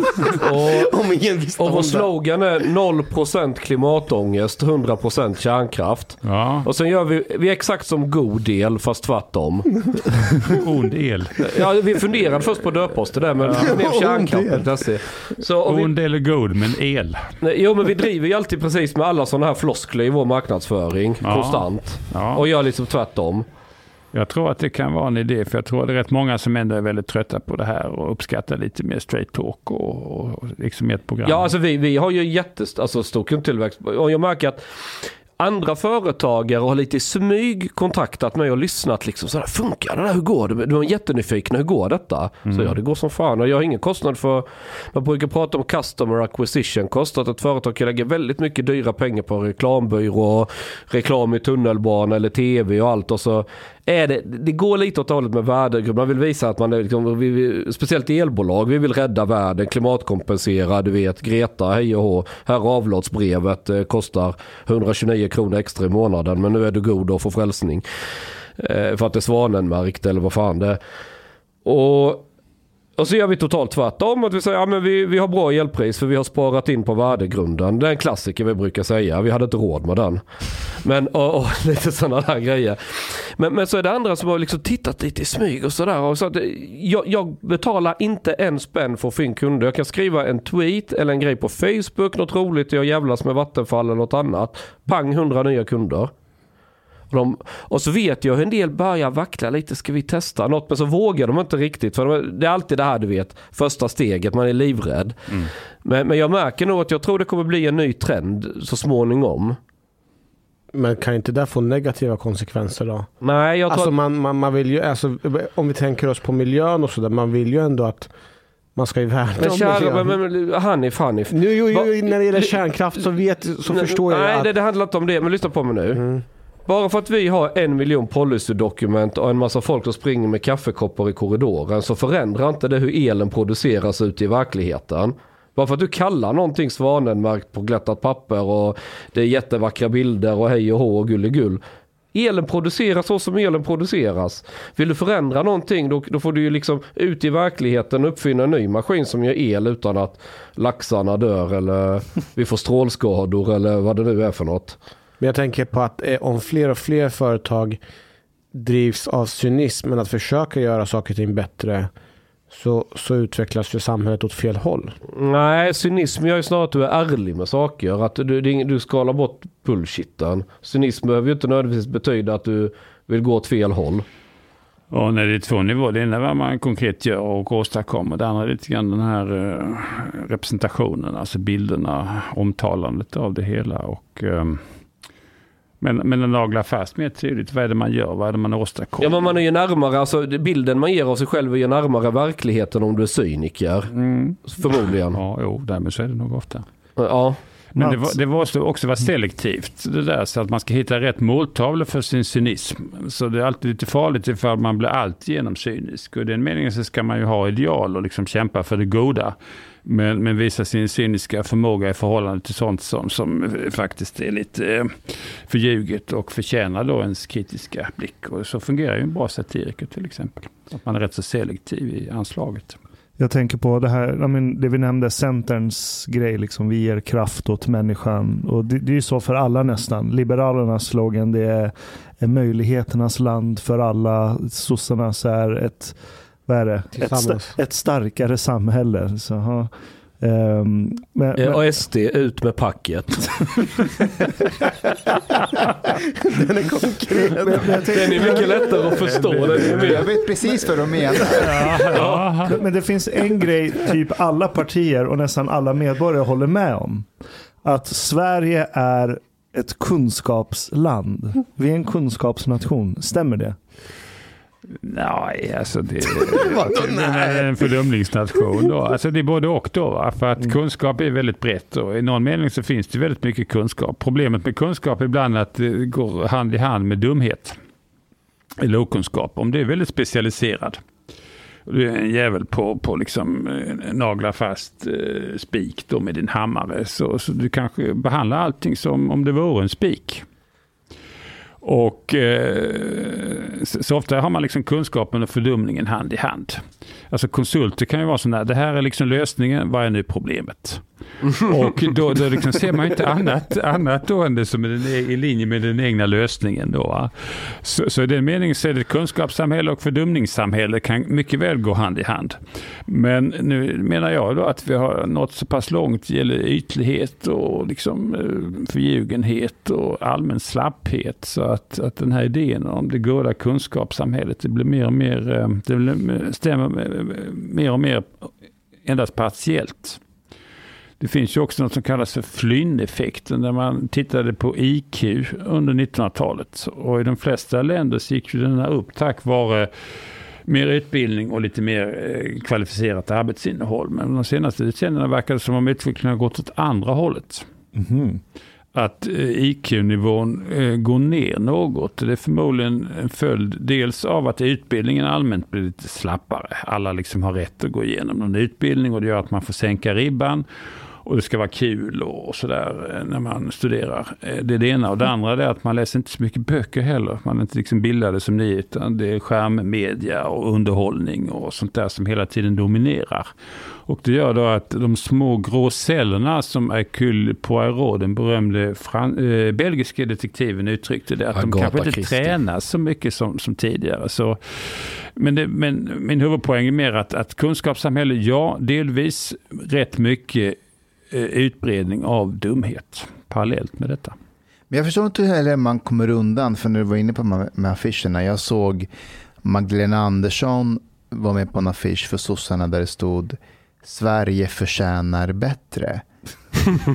Och då tänker jag, jämf- alltså vadå, vadå förtjänar bättre? Du, ni har ju haft makten i åtta år. Du var finansminister. Ja, Alltså, det är något oppositionen borde säga. Ja, Precis, Ja. precis. Alltså, Jag fattar inte om man kan... Ja men sossarna är jättebra på att vara opposition mot sig själva. Varje gång på första maj går de ut och, och rasar mot... Ja, ja jo, men det, det är självkritik på högre nivå. Det Ja det är, det är alltså. spännande... Där kan vi prata internkultur. Ja, Men du Mats, du har ju på ett sätt knäckt koden för att som sagt, när du pratar om de här ämnena, du gör ju det med en dos humor och du är liksom, fast du har ändå trovärdighet för att du är akademiker. Eh, men du låter ju verkligen inte som en, ska man säga, haverist eller du, du låter inte som Michael Douglas i den här Falling Down. nej, än så länge har jag inte hamnat riktigt så långt ner. Men är det Och, nyckeln liksom för att kunna Ja, alltså nå fram? man, man, det får väl vara en blandning av grejer. Jag tycker, tror på det här upplysningsidealet med den kritiska reflektionen kring vår samtid och våra idéer och föreställningar, våra ins- institutioner och, och vara lite mot och dominerande sanningar. Eh, sen sen eh, får, man ju då hela tiden försöka vara lite eh, självkritisk också och, och inse att världen blir ju aldrig perfekt. Men man kan välja vissa stridigheter och det här är problem som man bör ta fasta på och peka på och kanske i alla fall föreslå att vi kan tänka om kring det här då. Och, eh, och då måste man liksom hitta någon kod här för att, att, att annars är det väldigt lätt att man utdefinieras, att, att man eh, får olika typer av sanktioner och att folk inte lyssnar på en heller. Så det är liksom en pedagogisk utmaning. Men det är lite lättare om man är lite äldre, om man är gammal professor och, och sådär förstås. Och sen har tänkt igenom de här sakerna rätt så länge och, och eh, är van att uttrycka sig skriftligt. Så jag publicerar jag förmodligen då 150 000 ord per år ungefär debattartiklar, DN Debatt och Svenska Dagbladet och sen böcker och artiklar och sånt där. Och då, då är det lite lättare att säga någonting sånt som kanske de flesta har lite svårare att få fullt gehör för. Vad, vad tror du om eh, Sveriges akademiska framtid? Eller akademin i Sverige? Ja, alltså det där är ju rätt så knepigt. Nu, nu lever vi i massforsk, massutbildningens tidevarv. Så det är väldigt många som ska eh, ha, ha liksom, gå igenom en högre utbildning. Eh, statsministern då, för detta numera, eh, eller snart i alla fall, Stefan Löfven, sa att alla har rätt att lyckas. Och det låter ju bra, ingen kan ju tycka att någon ska misslyckas. Men man kan också säga att alla har väl rätt att misslyckas också. Det behöver liksom inte vara så att alla ska gå igenom fina utbildningar och få fina jobb och allting sånt där. Men, eh, men, men som en del i det där har vi massutbildningen och vi har också massforskning. Och problemet är då att behövs det alla dessa forskare, behövs det alla dessa på pappret välutbildade men ofta rätt så skralt kvalificerade personer som har gått igenom rätt så slarviga och nonchalanta, lågkrävande utbildningar. Så på så sätt så, så, tycker jag att vi har ett, eh, en stor eh, akademisk apparat men kvaliteten är väldigt eh, tveksam på många håll och kanter. Vi, och mycket är då rätt så onödigt. Vi fick ju mandat, eller mandat ska jag inte säga, när jag doktorerade. Eh, så jag och en annan doktorand som var från Colombia Eh, vi var ganska kända för att underkänna rätt många elever på deras examinationer. För att de sög, de var inte bra, de klarade inte uppgifterna. Eh, och jag märkte faktiskt år efter år att kunskaperna de kom till universitetet med blev allt mer lägre och lägre och lägre. Liksom bara banal läsförståelse kunde jag tydligt se sjönk på gruppnivå. Mm. Och då fick vi ju liksom order uppifrån att ja, men vi får mjukna till lite i sättet vi dömer de här studenterna på. För att det är ett visst antal som måste klara kursen, annars får man inga pengar för att bedriva kursen mm. som ska få in pengar. Eh, och där blir det väldigt, det var en av anledningarna till att jag lämnade akademin faktiskt. Nu säger jag inte att det är så på alla institutioner runt om i Sverige. Men det var väldigt slappt och man bara anpassade sig till regelverken. Eller man ville checka av att x antal måste klara kursen för att man ska få pengar. Mm. Eh, och så har du en professor högst upp som vill klättra på någon stege eh, och bli befordrad. Så det kändes väldigt hopplöst att kunna peta i det här systemet överhuvudtaget det är nog rätt mycket race to the bottom som du säger. Att man, man sänker ribban och det gör att alla får fördelar till synes av det här. Fler som, som klarar sig, de behöver inte stressa så mycket. Lärarna kan ägna tid åt forskning, eh, ekonomin klaras. Det ser bra ut på det statistiska planet och alla har i någon mening rätt att lyckas. Och då lyckas de ju också i alla fall få sin pappersexamen. Men, mm. men det här är så förödande då för samhället i termer av hur fungerar egentligen då socialtjänst och skola och sjukvård och alla andra som är väldigt beroende av en kvalificerad välutbildad arbetsplats. Ifall nivån på, på många är väldigt bristande då får man sen en mängd problem med stress i arbetslivet. Och det är inte för att arbetslivet i sig är så stressande men diskrepansen mellan folks förmåga och inställning Eh, och krav gör att det blir väldigt stressande. Så det här är rätt så förödande. Det genomsyrar hela skol och utbildningssamhället. Eh, men de flesta de duckar ju för problemen och liksom ja, tar de lättaste lösningarna på det här och sätter krav då på, på lärare med integritet att ja, var nu inte så besvärlig. Mats, jag läste någon artikel, tror det var du som skrev det, att just att det är just inom, eh, det är väldigt många som utbildas på universitet på samhällsvetenskaplig eh, nivå. Och att det behövs egentligen inte. Vi, samhället som vi lever i behöver egentligen mer yrkesarbetare. Är det någonting som du känner till? Ja. Yes. Eh, och jag, får, jag kommer att tänka på, finns det en konflikt egentligen i vår samtid mellan arbetare, alltså den, den traditionella arbetaren som är ute och jobbar och de som är eh, i, pluggar på högskolan? Hänger du med i resonemanget? Ja, då, jo, nej, men det är flera problem med. Alltså, jag menar, man kan ju se att eh, klassstriden är ju delvis mellan då en, en, en, en på pappret välutbildad klass som liksom ska tala om för andra vad de ska göra för Just det. någonting. Det har jag aldrig Och, märkt. och, och, och de som själva gör själva grundjobbet. Just det. Och, och, ehm, och det där är liksom ett problem, ett statusproblem därför att ju fler som på pappret utbildas desto mer futtigt blir det ju att inte ha någon högre examen till exempel. Och det gör att man känner status och, och, och självkänslan eh, fallerar lite grann. Sen är det också ett, ett, ett pro- problem så tillvida att, att sjukvården och äldreomsorg och liknande, det är många som ska göra själva det här grundjobbet Mm. ändå. Va? Men, men ja, helst ska man ju då gå vidare och liksom eh, vara professionell analytiker, policymakare, HR-expert, eh, utbildare eller vad det nu är för någonting. Och var går resurserna? Mm. Och vem har liksom för uppmärksamhet och status och liknande. Så i den meningen så är det ju då en viss eh, typ av klasskamp mellan då medelklassens på pappret välutbildade folk och andra som, som gör själva grovjobbet. Och jag har noterat också när, när man är ute och jobbar, alltså som polis ute i fältet, så, så handlar det för väldigt många människor att de ska vara trovärdiga, framförallt politiker. Och då kommer de gärna och gör studiebesök hos oss. Eh, det kan vara att de är inom polisen, att de vill gärna synas med någon uniformerad personal. Eller så är de på någon verkstad när de har någon varselväst på sig. Och hjälmen med. Och Hjälmen hjälm. med. Ja. Och, och där, där kommer jag att tänka på att det, shit, det är det här vi har problemet. Vi har ju några som sitter på själva kompetensen förhoppningsvis och kunskapen. Och sen så är det några som ska vara, försöka vara sig på, förstå sig påare. Och försöker göra anspråk på att de också har koll. Genom att liksom glansa sig i, med oss och sådär. Man lajvar arbetare. Ja, Som när, när Göran Greider har en eh, sån här uh, rutig skjorta på sig. För det är så han tror arbetarklassen ser ut. Ja. Ja, det, det, Och, och det är därför man håller på med de här policydokumenten. Därför man, man försöker utifrån en chefsposition, utifrån en ledningsposition ha en kontroll över någonting som man inte har kontroll över. När jag jobbade på HR inne i stan för, polis, eh, för eh, Stockholmspolisen med mångfald som vi jobbar då. Alltså jag märkte ju så snabbt, på, det var på ett år, jag tappade helt och hållet förankringen till, till golvet. Och jag, jag, liksom, jag hängde inte med i trenderna, vad som hände där ute, vad den senaste råntrenden var och så vidare.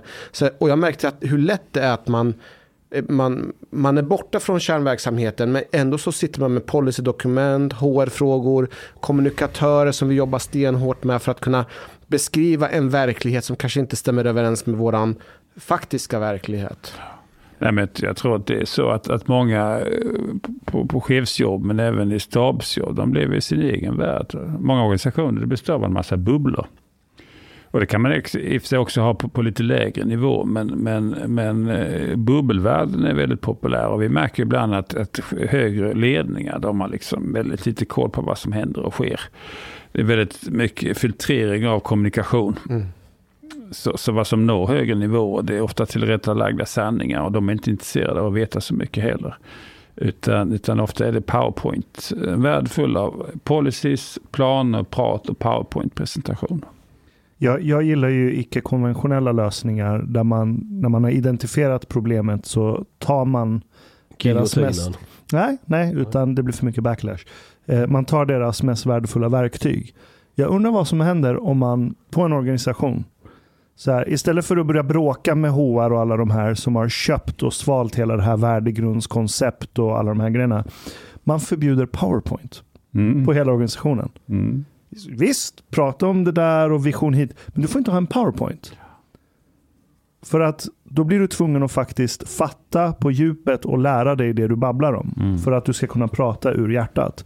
Då kan du inte stå och hänvisa till massa saker. Det måste komma från dig. Mm. Det är du som äger det som sägs.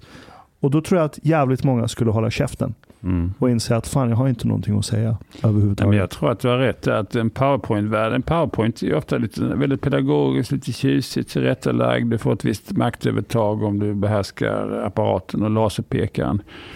Att skulle man plocka bort det där så skulle man, så skulle man ha lite mer av, av liksom saklighet som måste lyftas fram. Man kunde också tänka sig att man har möten då som stand-up meetings eller, eller, eller, eller eh, man har koll på möteskostnader. Det är bara att sätta på någon sån här apparat där eh, nu sitter det x antal personer här, 12 pers, de drar 1000 spänn i timmen. Nu har vi klämt, eh, eller gjort av med 12 000 spänn här. Eller det är x antal ingripanden som då det här mötet kanske har kostat oss. Och att man är väldigt mycket mer ekonomisk och Det skulle man kunna göra en powerpoint av. Det kan man också göra, precis, precis. Vi, sista måltiden, vi skulle gärna vilja ha ett värdegrund. Ja. Kan du hjälpa oss med det? du kunde ge oss några tips på vad vi skulle kunna ha. Ja, om man ska ha någonting sånt där. Liksom, det kan ju vara annat som, som ja, rättframhet och liksom eh, tänka efter för fan och några andra sådana där uttryck som eh, lite humor, lite eh, Nej, om, om man nu ska ha någonting som är lite, för det här behöver inte vara dumt. Det behöver inte vara dumt med värdegrund. Normalt, vi har ju bara studerat hur det här normalt ser ut. Mm. Och då blir det illa. Men man kan också fundera igenom, har man något distinkt som man kan fånga in väldigt väl. Så, så um, så, så kan man ju förmodligen eh, klä det här i vissa typer av ord också. Men om vi vill att SVT ska köpa upp oss, ja. vad, vad måste vi ha för värdegrund då? Mångfald har vi med. Mångfald har, har vi med här, fast det är inte så många av er som är riktigt blonda. Ni borde ha någon blond... Nej, alltså, det, är, det är dålig mångfald. Det fast mångfald, mångfald behöver inte bara vara visionär, eh, visuellt, det kan vara funktionellt. Ja, det kan, det kan också vara auditivt, där, så att ni får prata med lite mer andra röster kanske. det blir lite mer oklart. Ja, vi har Omar som brukar lajva på engelska, men ja, nu är inte han här. Lite brytning, sen ni pratar alla svenska här, det är inte så bra heller mångfaldsmässigt. man, man liksom, alltså verkligen sådär, så att ingen hör ju att ni har lite, lite kanske bakgrund med föräldrarna i alla fall från något annat land och sånt där. Så att eh, mångfalden kanske ni missar totalt i radio. Alltså ingen av oss är ju född här. Du, du är född här? Nej, jag är född i Skåne. Ja, det är, något, det är bra. Skåne är jävligt bra, så där är man lite sådär annorlunda. Och ja, lite, lite, lite, du är inte heller född där ju. Nej, jag är Nej, inte född där. Jag är född i Iran. Men det är ingenting som hörs på radion. Alltså det är inte minst sån här slattransvenska eller någonting Men jag sånt. funderar en väldigt radikal tanke. Ja. Om man gjorde radio där man fokuserar på innehåll istället för bakgrund. På, men det, ja. det kanske börjar angränsa till nazism då. Ja, alltså det där är ju alltid ett dilemma. Så ska man lyfta fram eller inte lyfta fram? Alltså hela det här området är ju knepigt. Då. Med, med kön, ska man, gender, genus, eh, ska man då räkna kroppar? Det här är kvinnor. Men då måste, man, då måste man ju köna folk. Du vet ju inte hur jag definierar mig. Det, det, har ju, det, det, är väldigt problem. knepigt och det är fult. Både att inte ha koll på könsfördelningen, det är fult. Och det är fult också att överbetona könsfördelningen. För då bestämmer man folk utifrån deras biologi. Det är också fel. Va? Så att vi, vi, har ju, vi har ju alltid en kvinna här i alla fall ju. Ja. Jag tittar på Hanif nu. Han tar fram sin feminina ah, han sida. Han vill alltid prata känslor. Det... Känslor, ja. ja. Alltså, eh, jag har noterat hur det här har ätit upp sig på olika sätt i, i organisationer, företag och föreningar. Jag var på en föreläsning igår i Uppsala och så tog jag upp en, en, en, en, en sak kopplat till integration. Och, eh, och, och, de som lyssnade de, de höll med mig, men reaktionen blev, vad intressant, vi måste hitta en person eller personer som kan säga det du säger så att det går hem. Alltså, det jag sa var sant, mm. de höll med, men jag var fel person för att prata om det. Du ska rappa fram det mm. istället. Nej, de ska ha personer med utländsk bakgrund som säger det. Ja, nej, ja, ja, men, jag, de, ja, de, men du är inte tillräckligt afghan. Ex, nej, nej, nej, så här. De i sin, sin organisation behöver nej, men det, det, är det här som är så galet. Så förut var det att ja, men du är invandrare, du får säga så. Nu är det inte, ja, ja och nej. Nu är det mer att ja, du är invandrare men du tillhör inte den gruppen av invandrare. Det är svensk medelklass. Ja, precis. Och det är då lite halvskumt och knepigt. Mm. Måste, men, men, förlåt. Får jag fråga dig, när du var på den här föreläsningen, körde du också PowerPoint-presentation? Jag har en PowerPoint men det är bara bilder. Samma här. Ja, alltså ingen text, bara bilder. Är Så... Inte ett enda av Jens eh, cirkeldiagram. Nej, det har jag inte. Men, men, men är inte det här en del, alltså att eh, kan det bli mer postmodernt så? Att någon säger någonting som är sant, men budskapsbäraren är fel. Nej, det är ju horribelt. För man skulle vilja att det, det goda argumentet, sakupplysningen, eh, vad som kan bidra till att folk tänker efter och sen kan hantera problem på, på, på bättre och kloka sätt, att det borde vara avgörande. Men nu blir det väldigt mycket det här andra, liksom bakgrund och vem är du och vad säger du och allting sånt där. Och det är liksom en rätt så hemsk utveckling. Och det är också kontraproduktivt. För det innebär ju hela tiden ska vi lyfta fram sånt som vi egentligen borde bortse ifrån. Alltså folk borde beaktas som individer och termer vad de har att komma med snarare än vad det är för kön och ålder. Och Men där bygger man ju in en funktionell dumhet i, i den allmänna debatten. Mm. Rätt intressant. Men, men det är fascinerande hur den har ätit, in sig därför att folk köper det. Alltså vanliga vettiga människor har på något sätt, in, på något sätt indoktrinerat sig och säger så här, ah, vad synd att inte du tillhör den gruppen som kan säga det. Jag, jag skrev en artikel på Aftonbladets debattsida, publicerades den som eh, betonade svenska värderingar. Och de var eh, fyra då, F. Eh, försiktighet, följsamhet, eh, förljugenhet och fördumning. och, eh, och det här är sånt som ofta odlas då. Va? Man är försiktig, man är följsam, man, man, man är förljugen. Så, så man säger vissa saker offentligt och sen håller man, ja jag tycker egentligen som du och så. Va?